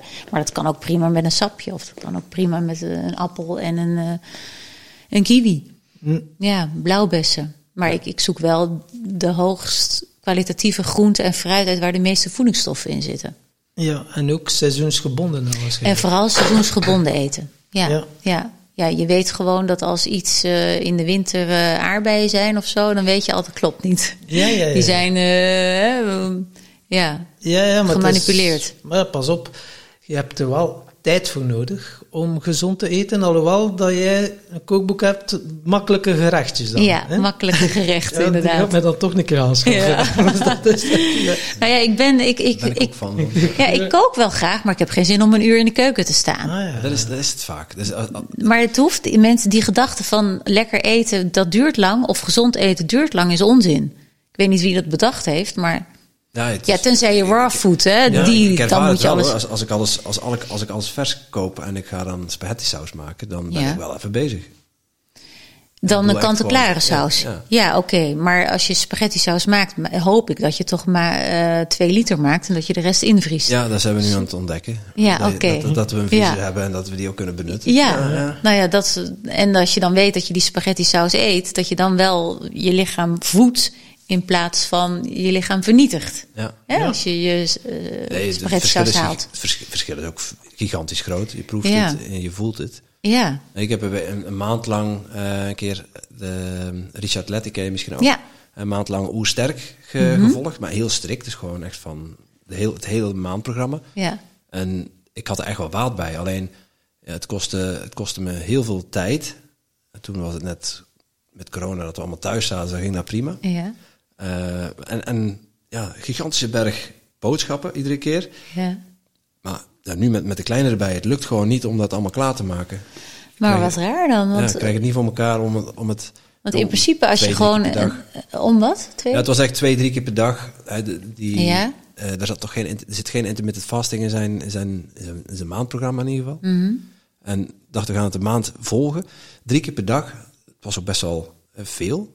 veel. Echt een halve kilo groente per dag Mhm. Ja. per persoon. Ja. Eh, maar gewoon al het snijden en dat doen, dat, dat kostte zo gigantisch veel tijd. Ja, maar je, je kan nu ook wel tegenwoordig voorgesneden groenten kopen en zo, hè? Ik geloof, daar, ook dat, ik geloof niet dat dat minder slecht is of zo. Het gaat gewoon om dat er geen bewaarmiddeling in zitten. Ja. En eh, ik heb hier een fantastische boer zitten en een eh, groenteboer... die alles al voor je snijden. Of als je ze belt en je zegt ik wil soepgroenten... snijden het allemaal voor je. Ja, ja. Dus dat scheelt ook al veel dat werk. scheelt heel veel werk. En- En, en, en biologische, biologische groenten uit de diepvries heb ik ook ontdekt onlangs. Ja, Echt, oh, dat is, Ja, nou, de, de, de, Eigenlijk- is het het net zo goed, Ja, en het is eigenlijk vaak nog beter dan eh, dat je het eh, zeg maar koopt in de supermarkt, omdat het al heel lang ligt en dat het al een hele lange reis heeft eh, moeten doorstaan Dat om daar te komen. En, ja, ja. en dat is alle minuut vers ingevroren. Dus dat is zeker niet verkeerd. Ja. Maar ik denk dat je gewoon op een gegeven moment zit je in een ritme van je vaste ontbijt, lunch, avondeten. En dan neemt dat, vind ik, niet meer tijd in beslag dan. Ja, je kan niet op tegen een kant-en-klaar maaltijd. nee, Die nee. je in, in de, de magnetron, De hè? In, eh, daar Dat kan je is- niet tegenop. Maar daar kan je in die zin wel tegenop als het om gezondheid gaat. Ja, en als je goed alternatief gewoon kant-en-klaar in je diepvries hebt staan. Hè? Een Ja. maaltijd die je zelf gemaakt hebt, die, die dan Ik vries is. ook heel Ja, veel ja. in. Echt waar. Ook gewoon om als ik inderdaad een keer in de stress zit en voetbal en ieder, geen tijd en werken. En dan oké, ik zorg altijd dat ik iets uit de vriezer kan halen wat binnen 10 minuten op tafel staat. Ja, Ja, is lekker, eh, lekker in pansgerechtje. ja en een soep is groenten. Altijd soep- goed. Soep met een boterham of met een cracker. Of, eh, maar Ja, goed, ja, wel ja. verse soep, weet je. Ja, ja, ja. Dat is echt wel... Het zijn de eh, E-nummers die ons vergiftigen. Daarin. Eh, Klopt. Ja, ja, wat, wat een uh, laatst ook, Ralf Moorman. Ik weet niet ja, maar ik heb zijn opleiding gedaan, trainer Ah, hormoonfactor. Oké, ja, we hebben Ja. eh, laatst gehad. Oh, leuk. zo de supermarkt safari of Ja, wat ja, het? super, ja, de boodschappen. ja, ja. Ja, dat maar dit, wel, eh, hij weet heel veel. Ja, dat is ongelooflijk. Ja, Dus, ja, en eh, die studie, die, goh, mijn god, het was ook echt intensief. Het was ook echt, dan leer je alles over hormonen en over voeding. En, hè, dus inderdaad, dat als glutenvrij eten zo belangrijk is. En heel goed eh, op je eiwitten moet letten, zeker als man zijn, maar ook als vrouw. Maar dat het meer uit eiwitten moet bestaan dan uit ehm, eh, koolhydraten. Je Ja. maaltijden, Ja, je maaltijden. Ja, je spieren. ja. Ja. en we hebben helemaal niet zoveel koolhydraten nodig. Maar dat is eh, in de, Nou, in helemaal niet de snelle die overal in zitten. Nee, die sowieso niet. Die Dus heb je jouw- helemaal niet nodig. In jouw kookboeken staan die simpele gerechtjes en dat is allemaal in de juiste proporties. Ja, in de juiste verhoudingen. Dus eigenlijk Ja. voor mensen die zo zeggen, "Poeh, ik heb geen zin om dat allemaal te onderzoeken, koop de kookboek Gewoon van lekker, ja, en, eh, eh, het is check klaar. en ja, het is klaar. lekker gezond. Ja. En welke kook... Ja, je hebt er vier geschreven en eh, welke zijn het dan? Even kijken hoor, het eerste boek was het familiekookboek. Ik weet eigenlijk helemaal niet of die nog verkrijgbaar is. Eh, toen kwam eh, Happy Shake, dus al die sapjes hè, Ja. met die superfoods. Toen Happy Food, Happy Kids, dat was echt alleen voor kinderen. En het laatste kookboek heet Lekker Gezond. Oké. En dat zijn eigenlijk Ik dacht, maal... daar komt het happy honger of zo. Ja, happy, ja, nee, ik ben daarna naar die drie happy ben ik gestopt. En lekker gezond, dat is nu nog wel actief. Dat is van vorig jaar, dus dat is, echt ja, nog verkrijgbaar. En daar staan gewoon hele simpele, maar wel eh, verantwoorde, gezonde gerechten. Voor het hele gezin. Ja, Ja. leuk, leuk, leuk. Dat is echt wel... eh, ja, het is zo belangrijk. Hè. Het, eh, ja, niet enkel wat dat je tot jou neemt in je lichaam, maar ook hoe voed je je mind, hè? Ik Want- denk als je wat je in jezelf stopt, eh, je voedt je lichaam, maar daar automatisch voed je ook je mind mee. Want als jij op de bank zit en je eet een zak chips, dan is dat vaak door een emotionele disbalans in je lichaam om iets weg te eten, een gevoel. Maar als jij gezond eet, dan voed je al je mind met een gezonde hè, eh, impuls, zeg Klopt. maar. Dus je staat dan ook veel bewuster in het leven. Mensen die gezond eten zijn veel eh, sterker, stabieler. Ja, meestal is het ook wel mensen die zich ja, wat minder goed voelen of verdriet of iets Ja, voelen. eh, die eten ongemakkelijke, die eten dat weg. staan, Ja, ja. of stress inderdaad. Die eten dat gewoon weg. En Ja. wat kan je die mensen aanraden? Want ja, je kunt wel zeggen, omarmen en zo. Maar ja, voor mensen die eh, in die rat race zitten en het eerst moet je het bewust van zijn. Van, Je moet het eerst erkennen. Herkennen. Hè, bij jezelf. Ja, heb ik nog tips voor Tom. Nou, erken eerst je problemen. Ja. Waar zit de valkuil? Nou ja, wat ik wel vaak eh, doe is, als iemand mij zo'n vraag stelt, is van oké, welk moment van de dag gebeurt dat? Is dat al in de ochtend? Is het in de middag? Of is het s'avonds als je alleen thuis op de bank zit? En vaak hoor je toch, nee, de ochtend gaat goed, maar zodra ik thuis kom, ja, dan heb ik geen tijd om te koken en pak ik maar iets. Ja. Dus daar moet je dus dan voor zorgen dat je al iets hebt staan in de koelkast. Dus dat je al die soep die je hebt gemaakt in het weekend of uit de vriezer, je kant-en-klaar maaltijd haalt die je al een keer hebt gemaakt, dat je die stress niet meer eh, hebt. En ehm, ik vind ook wat vaak wel werkt, is gewoon als je thuis komt en je hebt inderdaad een druk gezin. En je moet dan nog helemaal beginnen. Maak het niet te moeilijk voor jezelf. Je hoeft geen eh, drie eh, sterren menu neer te schotelen. Gewoon een goede salade, stukje kip is al voldoende. Die kinderen een, eh, een, een puree met de dopertjes, een stukje kip is prima.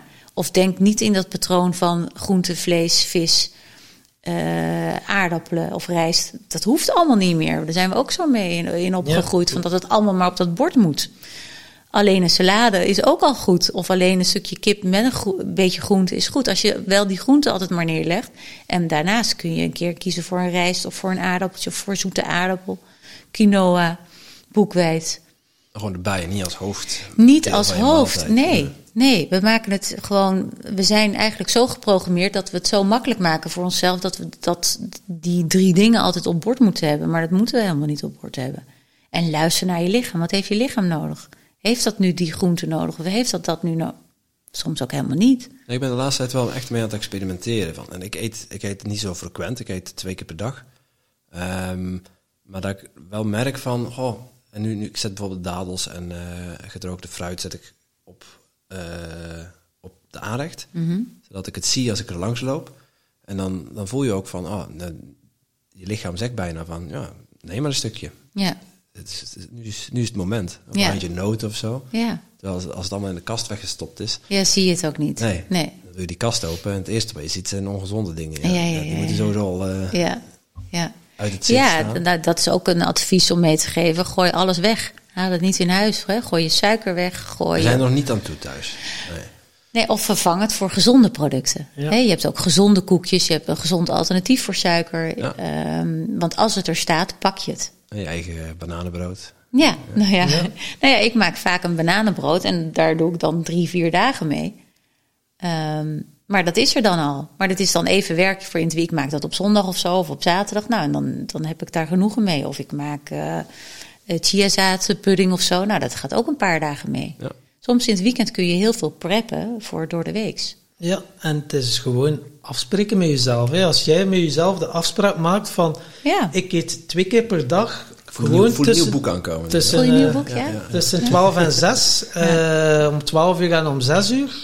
Check. Ja, als ik dat afspreek met mezelf. Ik heb ook afgesproken, ik drink nooit geen alcohol meer. Ja. Maar de deur is, staat ook niet op een kier van af en toe een keer. En dan Nee. is dat ook makkelijk. Dan is het makkelijk voor jezelf. Ja. Je hebt die afspraak met jezelf gemaakt, dus, en daar hou je dan aan. trouw zijn aan jezelf, Ja. daar begint het mee. Maar ja.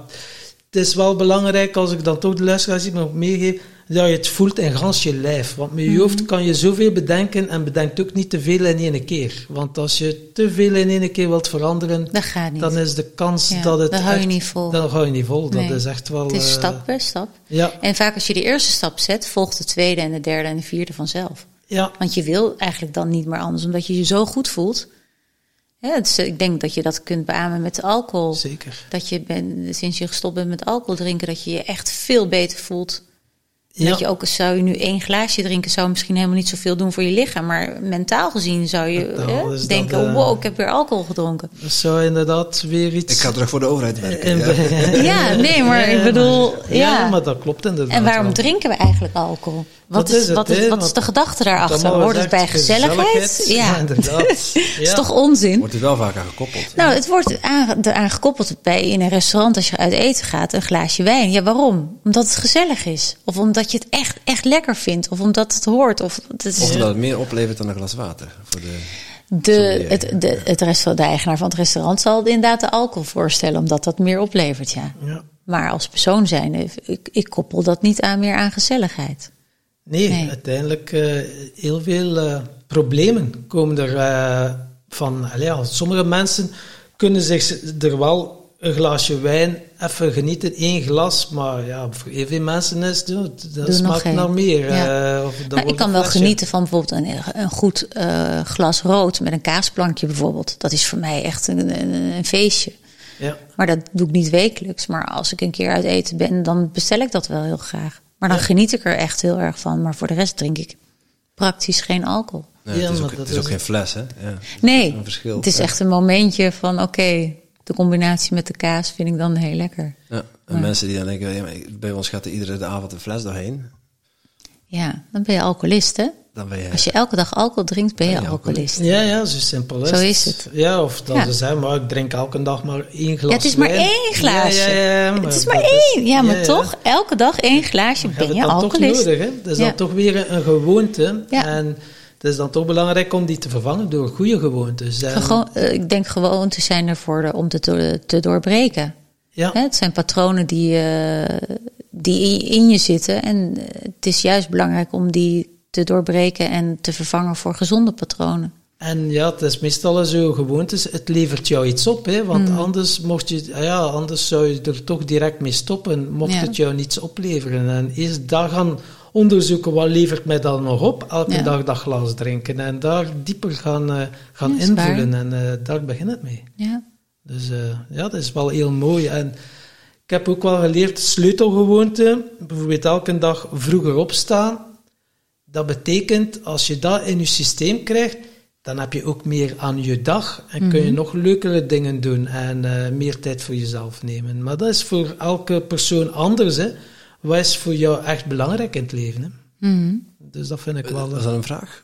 nee, dat is Ah, eh, nee, gewoon nee. eh, wat ik nu even bedenk. Ja. En hoe laat sta je op? Ben je van de vijf uur eh, nu? eh, van zes de- uur. Ah, zes uur. Vijf uur ja. 55. Ja. Ja, dat is eh, iets. eh, en dan doe ik eh, mijn Wim Hof eh, ademhaling. Ja. Doe ik een duolingootje, een kwartiertje mediteren en Ja. eh, twintig minuutjes inspirerend lezen.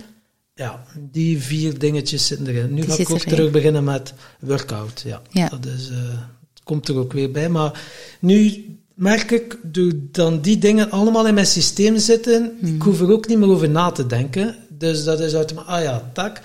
Dus ja, dat is zoals tandenpoetsen. Een Ja. keer dat het in je systeem zit, Ja. kost het ook geen moeite meer. Nee, en het heeft bijna altijd met iets 21 dagen nodig om te integreren in een eh, bepaalde eh, ja, lifestyle, zeg maar, in, je, in een patroon. Ja, Klopt. Een nieuwe gewoonte. En ik merk inderdaad, als het u geen moeite meer kost, dan kan je weer een nieuwe gewoonte Ja. erbij nemen. Ja. Maar als je te veel in één keer wil doen... Dat gaat ook niet, dat is ook niet dat gezond. Dat is dat is- van heel veel mensen wel. Ja, die willen alles tegelijk, hè? We Ja. hebben- ik, ik heb er ook eh, wel lustig ingetrapt. Ja? eh, ja. Maar Sta je ook vroeg op? Ik, eh, ja, maar het is, dat is niet meer vrijwillig nu, maar het is om zes uur. Ja. Ja, met de kleintjes. Ja. eh, mijn ochtendroutine is pampers vervangen, een beetje Ja. spelen, eten geven. Ja. Dus we zijn met tweeën, maar ja. ja. Dus mijn ochtend zit echt geclaimd door, door de kleine. Door de kleine. En ja. dan probeer ik wel eh, om, om eh, een half uurtje voor mezelf even te nemen om te wandelen. En dan wandel ik hem naar de crash en dan ben ik ook even... eh, Ja. Dat is jouw even- soort van ja. meditatiemoment. Ja, dat is mijn Ja. meditatiemoment, letterlijk. Dat is vaak me dan ophaal om... eh, Mhm. ja. Ik zou graag wat meer toevoegen, maar op dit moment is het nog niet toelaatbaar. Nee, nou, dat komt vanzelf Komt wel. Vanzelf wel. Als je Ja, daar dat is ook het mild zijn, hè? want voorheen had ik Ja. wel tijd om hè, Wim Hof ademhaling te doen of om eh, de, de Miracle Morning toe te passen met schrijven, met, Mhm. eh, met visualiseren. Ja, dat, dat, dat gaat nu even niet. En dan daar mild zijn naar jezelf is ook wel een belangrijke. Is heel belangrijk. En ook gewoon voelen, wat heb jij nodig nu op dit moment? Ja, dat is voor iedereen anders. Ja, voor mij is dat gaan wandelen. Ja, dan is dat toch goed. Dat is perfect. Ik vind het ook altijd vaak die mensen die zo van ja, en ik doe dit en ik doe dat en ik doe zus en ik doe zo. En, ik- en dan denk ik, oh, krijg ik het al bijna benauwd dat ik denk, oké, maar ik doe niet zoveel. Ga ik me bijna schuldig voelen, terwijl het dat Ja, ja. onzin is. Want ik heb dat allemaal niet nodig om me gelukkig te voelen. Dus Ja. het is prima als jij dat allemaal wil doen om je gelukkig te voelen. Ik ben oké inderdaad met mijn eigen routine. Maar die routine moet je soms eh, aanpassen en soms even andere dingen ontdekken. En er komen nieuwe dingen bij, er gaan eh, sommige dingen weg. Maar uiteindelijk hou je toch een soort van harde kern of zo. Waarin je waarbij je je prettig voelt. En dat, eh, ja, die, die blijven dan. En dan komen er soms dingetjes bij, soms dingetjes eh, ehm, die blijven. En sommige dingen vervallen.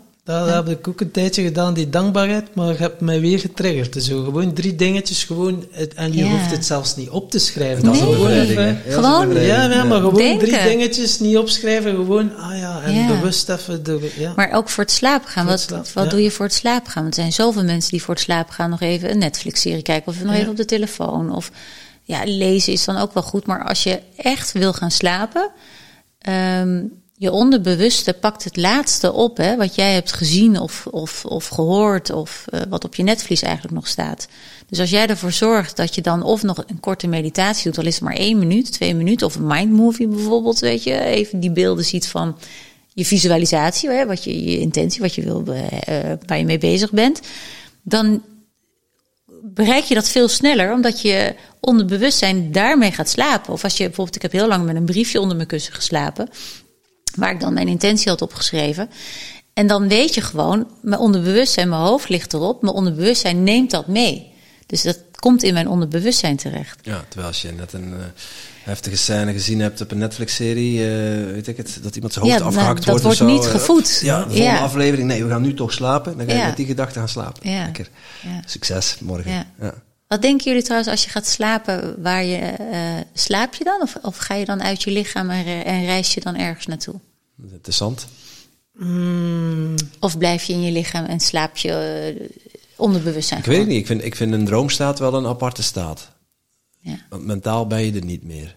Dus je lichaam ligt, ligt in bed, maar je ruikt niet meer. Je, je hoort amper iets. Ja, als het heel luid is, dan kom, dan Kom je word, je, terug. word je wakker. Ja. Maar op het moment dat je dan wakker wordt, heb je ook wel altijd even nodig van, om te voelen van, oh, ik zit in mijn lichaam en dit is echt. Mhm. Denk, Dus d- er zit altijd wel een, een schakel. Dus ik, ik weet het niet. Ja, Ik een denk dat onze droomstaat zo eerder onze wakkere staat is en nu overdag dat dat onze slaapstaat is, denk ik. Ja, Dan- hè? ja, dat idee heb ik ook. Ja, Dat het echt een soort van. mm, Ja, we zijn natuurlijk iets in een lichaam, weet je. ja, En als we slapen, is dat iets wat in het lichaam zit. Dat, dat, ik, volgens mij gaat dat eruit. Ja. Gaat dat gewoon. Ja. En dan wordt het in één keer weer teruggefloten van... oh ja, ik moet om zeven uur wakker worden. Dus ik moet om zeven uur weer terug zijn in dat lichaam. Ja, ja, ik, heb, Ja. Ik, ik heb net een periode achter de rug dat ik s'nachts wel eens wakker werd door de kleine. Dat is best wel heftig. Dan voel je, dan voel je, dat, je, dat, je dat je lichaam echt niet, niet kan rusten. Ja, Maar je voelt je mentaal ook gewoon eh mishandeld. Ja, Ja, een wrak, gewoon overdag. En Maar slaap is zo belangrijk. ja, dan, dan merk je wel van dat is, dat is wel iets wat zowel mijn lichaam als mijn geest nodig heeft. Ja, Dus het is wel eh, een belangrijke. De acht avondroutine. uur, de acht uur is voor Ja. mij ook heilig hoor. ja. Ja. de avondroutine, daar mag ik wel nog een keer op focussen. Want ik merk wel dat ik verschillende momenten s'nachts nog wakker word. En dus de ja, slaaphygiëne, eh, slaapkwaliteit is zo belangrijk uiteindelijk. Je herstelt, je. Dat is het uiteindelijk wel. En wat, wat doe je het laatste half uur voor je gaat slapen? Ja, ik kan niet zeggen. Ja, ik kijk soms nog op mijn gsm. En, Ja? Ja. en dan denk ik, oké, of, of van uh, Michael Pilarczyk zo nog een meditatie of zo doe ik. Ja, Mhm. nu dat ik een vriendin heb, gebeuren soms ook nog andere dingen natuurlijk. Maar Zoals wat? eh, eh, een verhaaltje voorlezen aan elkaar Ah, ja, oké, bijvoorbeeld. ja, ja. Een mooi gedicht van Ja, Rumi. bijvoorbeeld. maar De eh, verhalen van Elke Kindermorgen uit, uit de kookboek eh, voor de families. Wat gaan we eten morgen? bijvoorbeeld. Maar het neemt niet weg eh, dat dat zo belangrijk is om echt wel die geest weer tot rust te brengen en die, die schermpjes gewoon eh, te laten. Ja, nu is het wel, ja, ben ik er zo wel vier, vijf dagen bij mijn vriendin en dan is het wel is het anders. Dan sluiten we ook wel af met kirtana of zo, muziek. Is fantastisch in de muziek. om eh, dan tot rust te komen. En dat heeft wel impact en invloed op, op het slapen en het wakker worden. Ja. Zij leeft nu momenteel nog in een joert. Oh, Dus dat is ook wel eh, een hele beleving, maar moet nu binnenkort weg. Eh, eh, maar ja, het is wel, ja, ze heeft dan ook een dochtertje, dus met drie, dan is het niet altijd evident om mijn Nee. Ochtendroutine te doen, om zes uur op te staan. En dan, Ja, dus anders, dat gaat nu wel eh, Ja. weer veranderen. Dus ja, Ja. dat is wel, eh, ook wel een, weer een, een ervaring. Eh, ja, joertleven is toch wel, als je wakker wordt, 12 graden, ja, dan weet je wel, oké, hè? ja, kacheltje aansteken, ja, het hout. Ja. En eh, Ja. dat is ook wel Back to basic, een boeiend... eh, Ja, back to basic, wel mooi. ja, Ja. dus dat is wel eh, dankbaar voor die ervaring ook. Maar Ja. Ja. ja, het is wat dat is. Het wordt ons allemaal zo gemakkelijk gemaakt, maar dan besef je pas van... Hoe, eh, eh, wow. Echt, hè? Ja, ja, Het is, ja, ja, ja. we beseffen dat pas als we uit onze comfortzone worden gehaald. Dat we denken, oké. Ja, ja, ja, ja, maar dat is uiteindelijk wel iets. En voor u, jouw avondroutine is ook meditatie en gewoon even Ja, ik, ik, en, ik eh, kijk eventjes inderdaad naar mijn moodboard. en ik, ehm, ik mediteer. En niet altijd he- specifiek heel lang. Of ik, ik zet zo'n programma op eh, met oortjes over je eh, onderbewustzijn te programmeren. Binaural beats. binaural beats of inderdaad een, een, een stem die je spreekt, eh, die je, je onderbewustzijn zeg maar eigenlijk ah, ja, toespreekt. Ja, het beseleiden in je oren. En het is een leider, in. En, eh, nee, dan kan ik niet slapen als hij in mijn oor zit. nee, dat gaat niet gebeuren. Ehm, maar dat, eh, dat, eh, dat en of ik lees, ik vind lezen ook heel fijn. Ik, eh, maar wel een, een zelfontwikkelingsboek, zeg maar. Ja. Dat, eh, ja, Dus is heel graag. top drie. Ik hoor geen schermpjes. Nee, absoluut. Ik zit echt niet op mijn telefoon. Een keer misschien als ik in een hele goede serie zit of zo. Maar dan nog, als ik dan die Netflix-serie uitzet, dan nog neem ik mijn moment om me heel even weer te aarden en weer even van waar wil ik aan gaan denken straks in mijn slaap, zeg maar, bijvoorbeeld. Dat neem ik echt wel even mee. En mijn dankbaarheid even uitspreken voor de dag doe ik altijd. Altijd. Ja. Voor het slapen Ja, gaan. ik- bij mij ook s'avonds. Ja. Ik, een half, ik probeer, lukt niet altijd, maar ik probeer een half uur voor dat ik, dat ik in bed kruip, geen, eh, geen scherm. Oh ja, nee, de telefoon, nee, echt niet. En eh, het Nee. laatste dat ik, dat ik zie in mijn telefoon is dat ik hem op vliegtuigmodus zet. Ik heb hem dan Ja. niet meer aangeraakt. Ik, Ja. ik, ik, eh, ik zet hem op vliegtuigmodus en is klaar. Ja. Ja, en ik, ik zit helemaal niet s'avonds. avonds ja, om acht uur of zo zit ik nog wel op mijn Ja. telefoon hoor. Of eh, als mensen een bericht sturen of een keer op inderdaad op eh, Instagram. Maar daarna echt niet meer. Nee. Ik ben geen avondschermer, of hoe noem je het? En je had het ook over boeken. Wat is er zo uw top drie of top vijf van eh, persoonlijke ontwikkelingsboeken? Wauw. Welke hebben jou het meest geïnspireerd?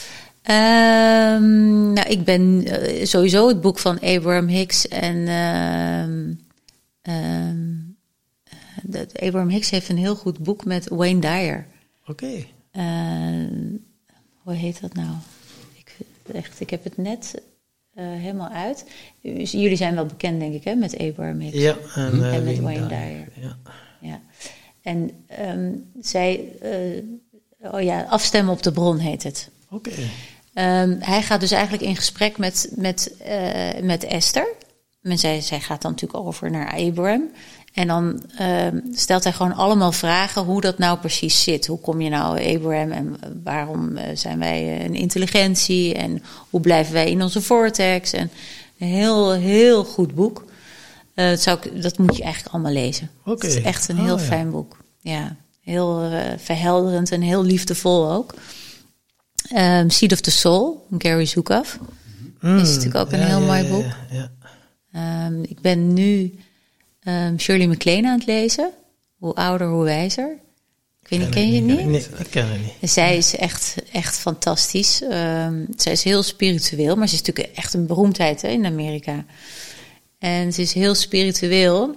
En ze, is nu, eh, ze heeft het nu over de ontdekking van, van de ET's. Dus ze beschrijft gewoon haar levensverhaal in dat ze in die showbizwereld zit. En dat ze al die ehm, presidenten kent van Amerika. En, en, en op een gegeven moment dan in aanraking komt met het... ehm, met de Maya's en met het spirituele eh, zijn. En, eh, ja, en dan vooral de UFO's en de ET's. eh, haar ja, bevindingen daarvan, haar ontdekkingen daarvan. Ehm, wat er, ja, allemaal is gebeurd en wat zich eigenlijk afspeelt. En het is echt, echt een heel goed boek. Oké. Ja. Ja, als je daarin gelooft, hè, als je Ja. daarvoor open staat, dan is zij wel de, de persoon, vind ik, die het echt goed neerzet. eh, de soorten ET's, eh, waar ze komen, met wie ze in contact zijn. Eh, ja, vind ik wel heel Ja, ja, maar je hebt dan zo, ja, de Pleiadiërs en eh, wat is het, eh, allemaal die sterrenrassen. Ja, die sterrenrassen. Ja, ze ja, heeft het dan, ze ja. beschrijft ook inderdaad de grijze, de grijze IT's, de lange en de korte. En eh, dat de grijze IT's blijkbaar zijn dus de meeste die dus contact zoeken met de mensen. En die je dus ook, eh, ja, sommige mensen worden dan ontvoerd, hè, krijgen een check-up, eh, een upgrade eh, of een chip. Of, ja, het- ik vind het zeer, een zeer goed boek. Maar ze heeft heel veel boeken geschreven hoor. Ehm, en, en dus ze gaan niet allemaal daarover, maar gewoon haar, haar levensfilosofie vind ik wel zeer bijzonder. Mooi. Ja. Bijzonder. Ja. Ja. Onze podcast gaat over geluk en succes. Eh dus dat is een beetje de rode draad, persoonlijke groei. Eh, wij vragen aan onze gasten altijd wat, wat hun definitie is van geluk en succes. Dus laten we met geluk beginnen. Eh, hoe zou jij geluk omschrijven? Geluk. Ik denk dat geluk iets in jezelf zit. En als je gelukkig bent met jezelf, ja, en je bent gezond, dat is de grootste rijkdom. En dat beantwoordt denk ik ook gelijk de volgende. Wat is ri- rij op wat Succes. succes? Oh ja, Succes, succes. Ja. Ja, succes is. ehm, wat is succes? Ik denk eh, het accepteren van jezelf. Wie je bent. Je bent goed genoeg. Dat is succes. Want als je dat ehm, mag ervaren, dan ontvouwt zich je pad.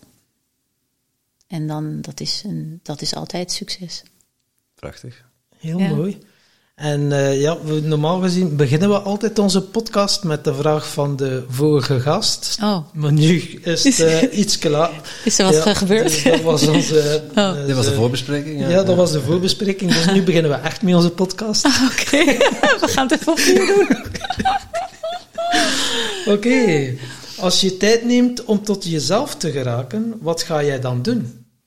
Als je, nog één keer. Als je tijd neemt om tot jezelf te geraken of tot jezelf te komen, wat ga je dan doen? Ehm, ik doe graag eh, yoga. Yoga en mediteren. Dan kom ik echt tot mezelf. Ademhalen, yoga, mediteren. Ja, Die drie dingen, maar die vallen eigenlijk samen in een yoga-oefening. ja, ja, ja. ja. Ja. En- Ja. Dan kom ik echt tot mezelf. Wat, wat brengt jou dat? Rust en ehm, een bepaald innerlijk weten. Dus dat ik kan vertrouwen op mijn intuïtie.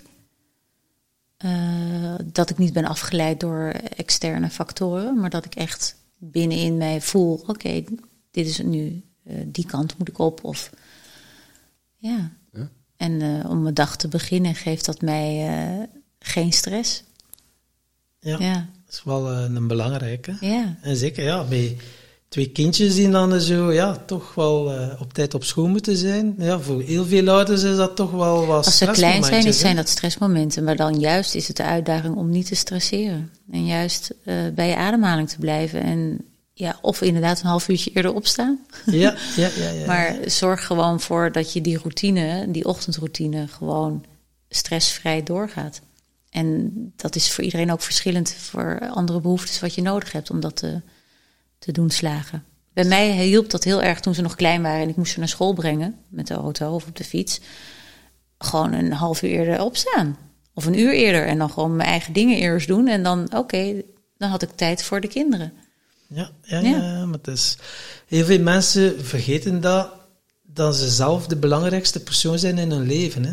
Dat is dan... eh, voor heel veel mensen zetten zichzelf maar op de tweede of de derde plaats. Van, ja, die zijn belangrijker, maar het is zo belangrijk om even Begint bij te beseffen van... Nee, ik ben de belangrijkste persoon in mijn leven. Ja. En eh, daar begint het. En dan kan je ook goed zijn voor anderen. Ja. Als je zelf niet eh, ja, in topconditie bent, ja, dan eh, wordt het wat ingewikkelder, denk ik. lastig. mezelf. Ja. We, we hebben het gehad over, over je, je mind voeden, over je lichaam voeden. Eh, wel benieuwd, we hebben het ook gehad over, over je spiritualiteit voeden. En eh, ik, ben benieuwd hoe dat jij je ziel voedt. Ehm, door met gelijkgestemden om te gaan. door eh, te lezen. Eh, ik denk je ziel voeden is ook ehm, dingen doen waar je gelukkig van wordt. Wat je geluk geeft, wat je een geluk ehm, bevredigend gevoel geeft.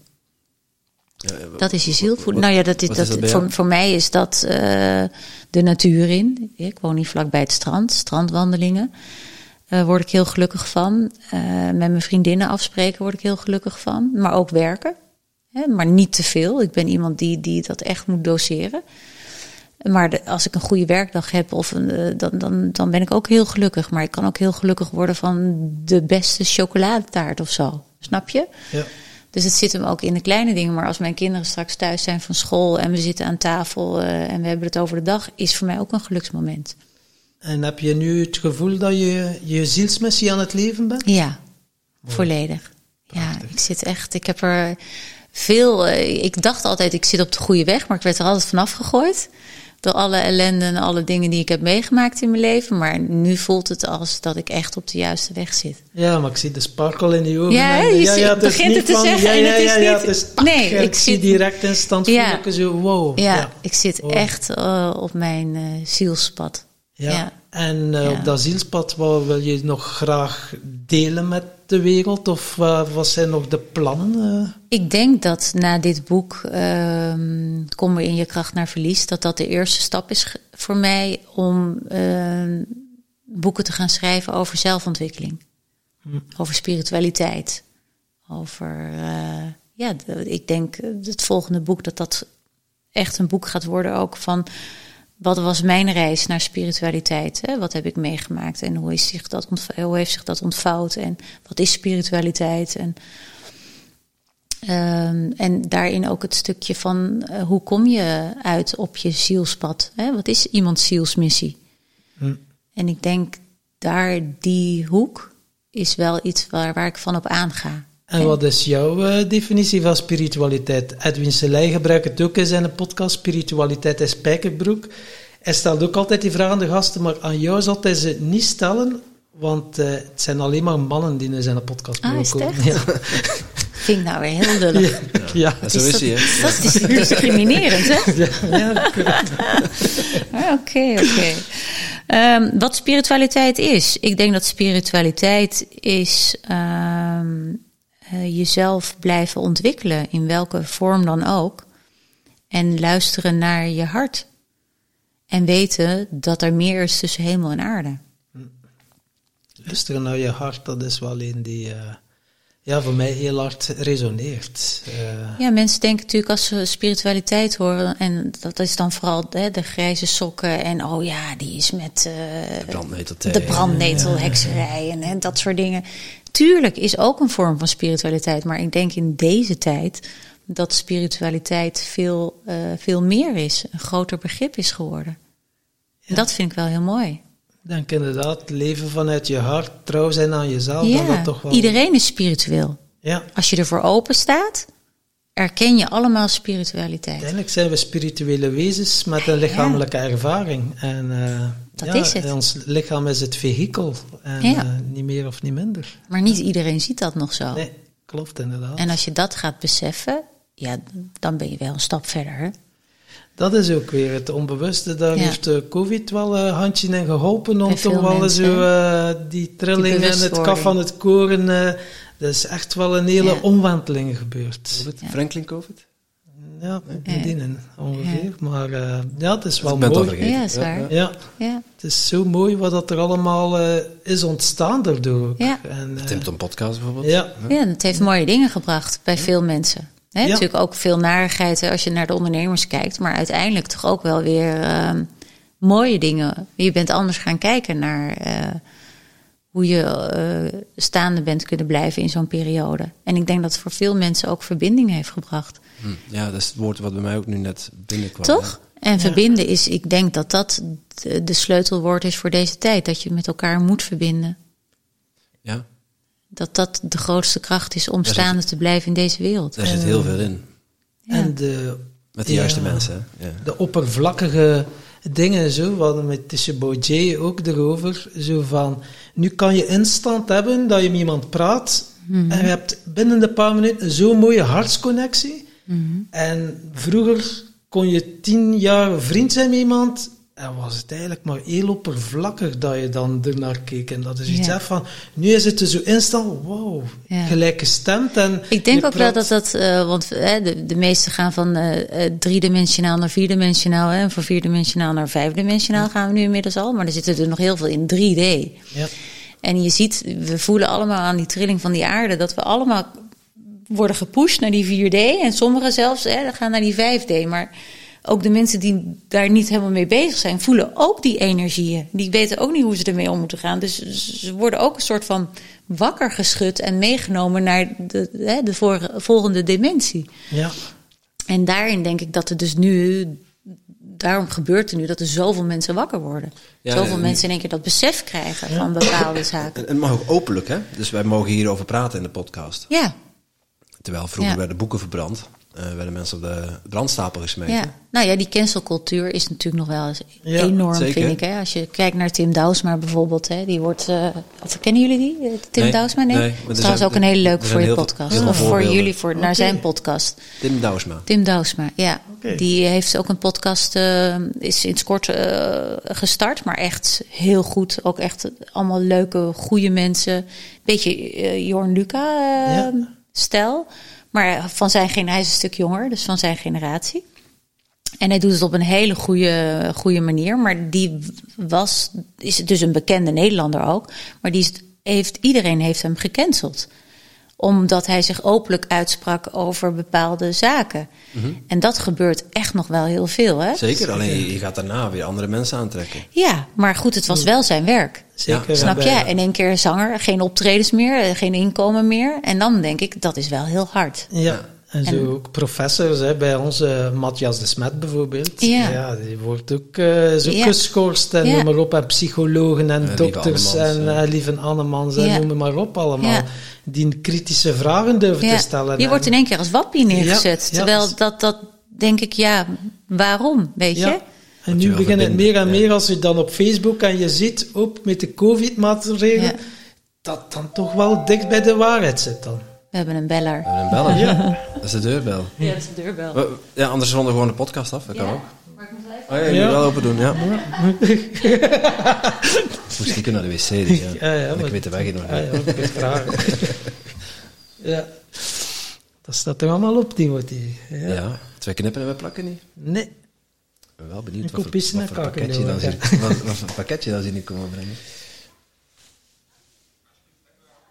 Nou, dat is spannend. Ja.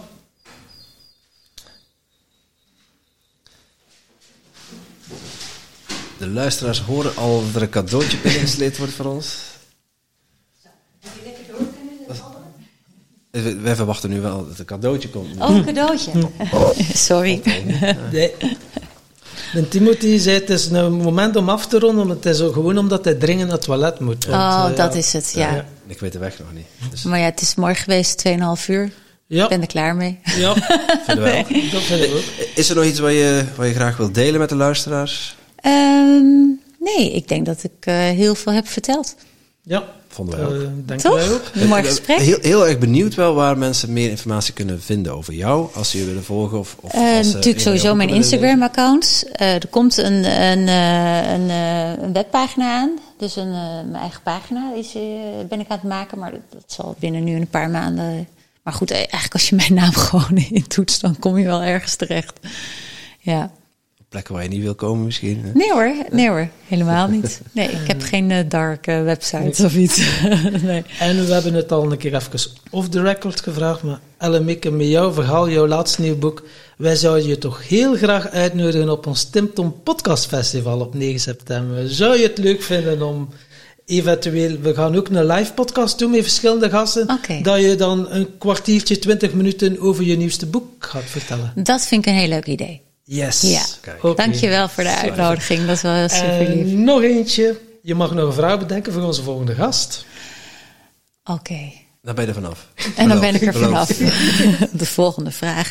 Ehm, nou ja, waar word je gelukkig van? Wat is jouw zielsmissie? Jouw zielsmissie. Wat is jouw zielsmissie? Ja, dat is Ja. mooi. Super. Die resoneert altijd bij iedereen wel, vind ik, die vraag. Ja, dat is een mooie krijgt, vraag om voor toch? jezelf af te stellen. ook. Ja, Mooi dat je ze samenpakt ook. Waar word je gelukkig van? Wat is je zielsmissie? De combinatie, hè? ervan. Het Ja. verlengen ervan, ja. Ja, heel mooi. Ja. Ja, behalve als je het aan Mark Varans zou vragen, ik weet niet of dat die er zo gelukkig van zou worden. Wat is je zielsmissie? Nee, Ja. maar waar hij gelukkig van wordt. En Ja. misschien komt hij dan uiteindelijk uit op zijn zielsmissie. Ja. Dus het is Ja. hè, daarom de combinatie van de twee. Niet van een ander spreken, toch? Ja? We hebben nog niet gesproken, we hebben het nog Nee, niet kunnen vragen. Nee. Dankjewel. Oké. Fijn. Jullie bedankt. Dankjewel. Dankjewel, Tim en Tom. En jij natuurlijk ook super bedankt om te luisteren naar deze podcast.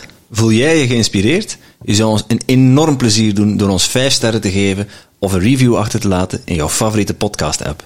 En wil je geen enkel inspiratiemoment missen? Abonneer je dan op onze podcast of volg ons op social media at Tim Podcast. Oké, dan moet je ook terug aan de Tom. Hè?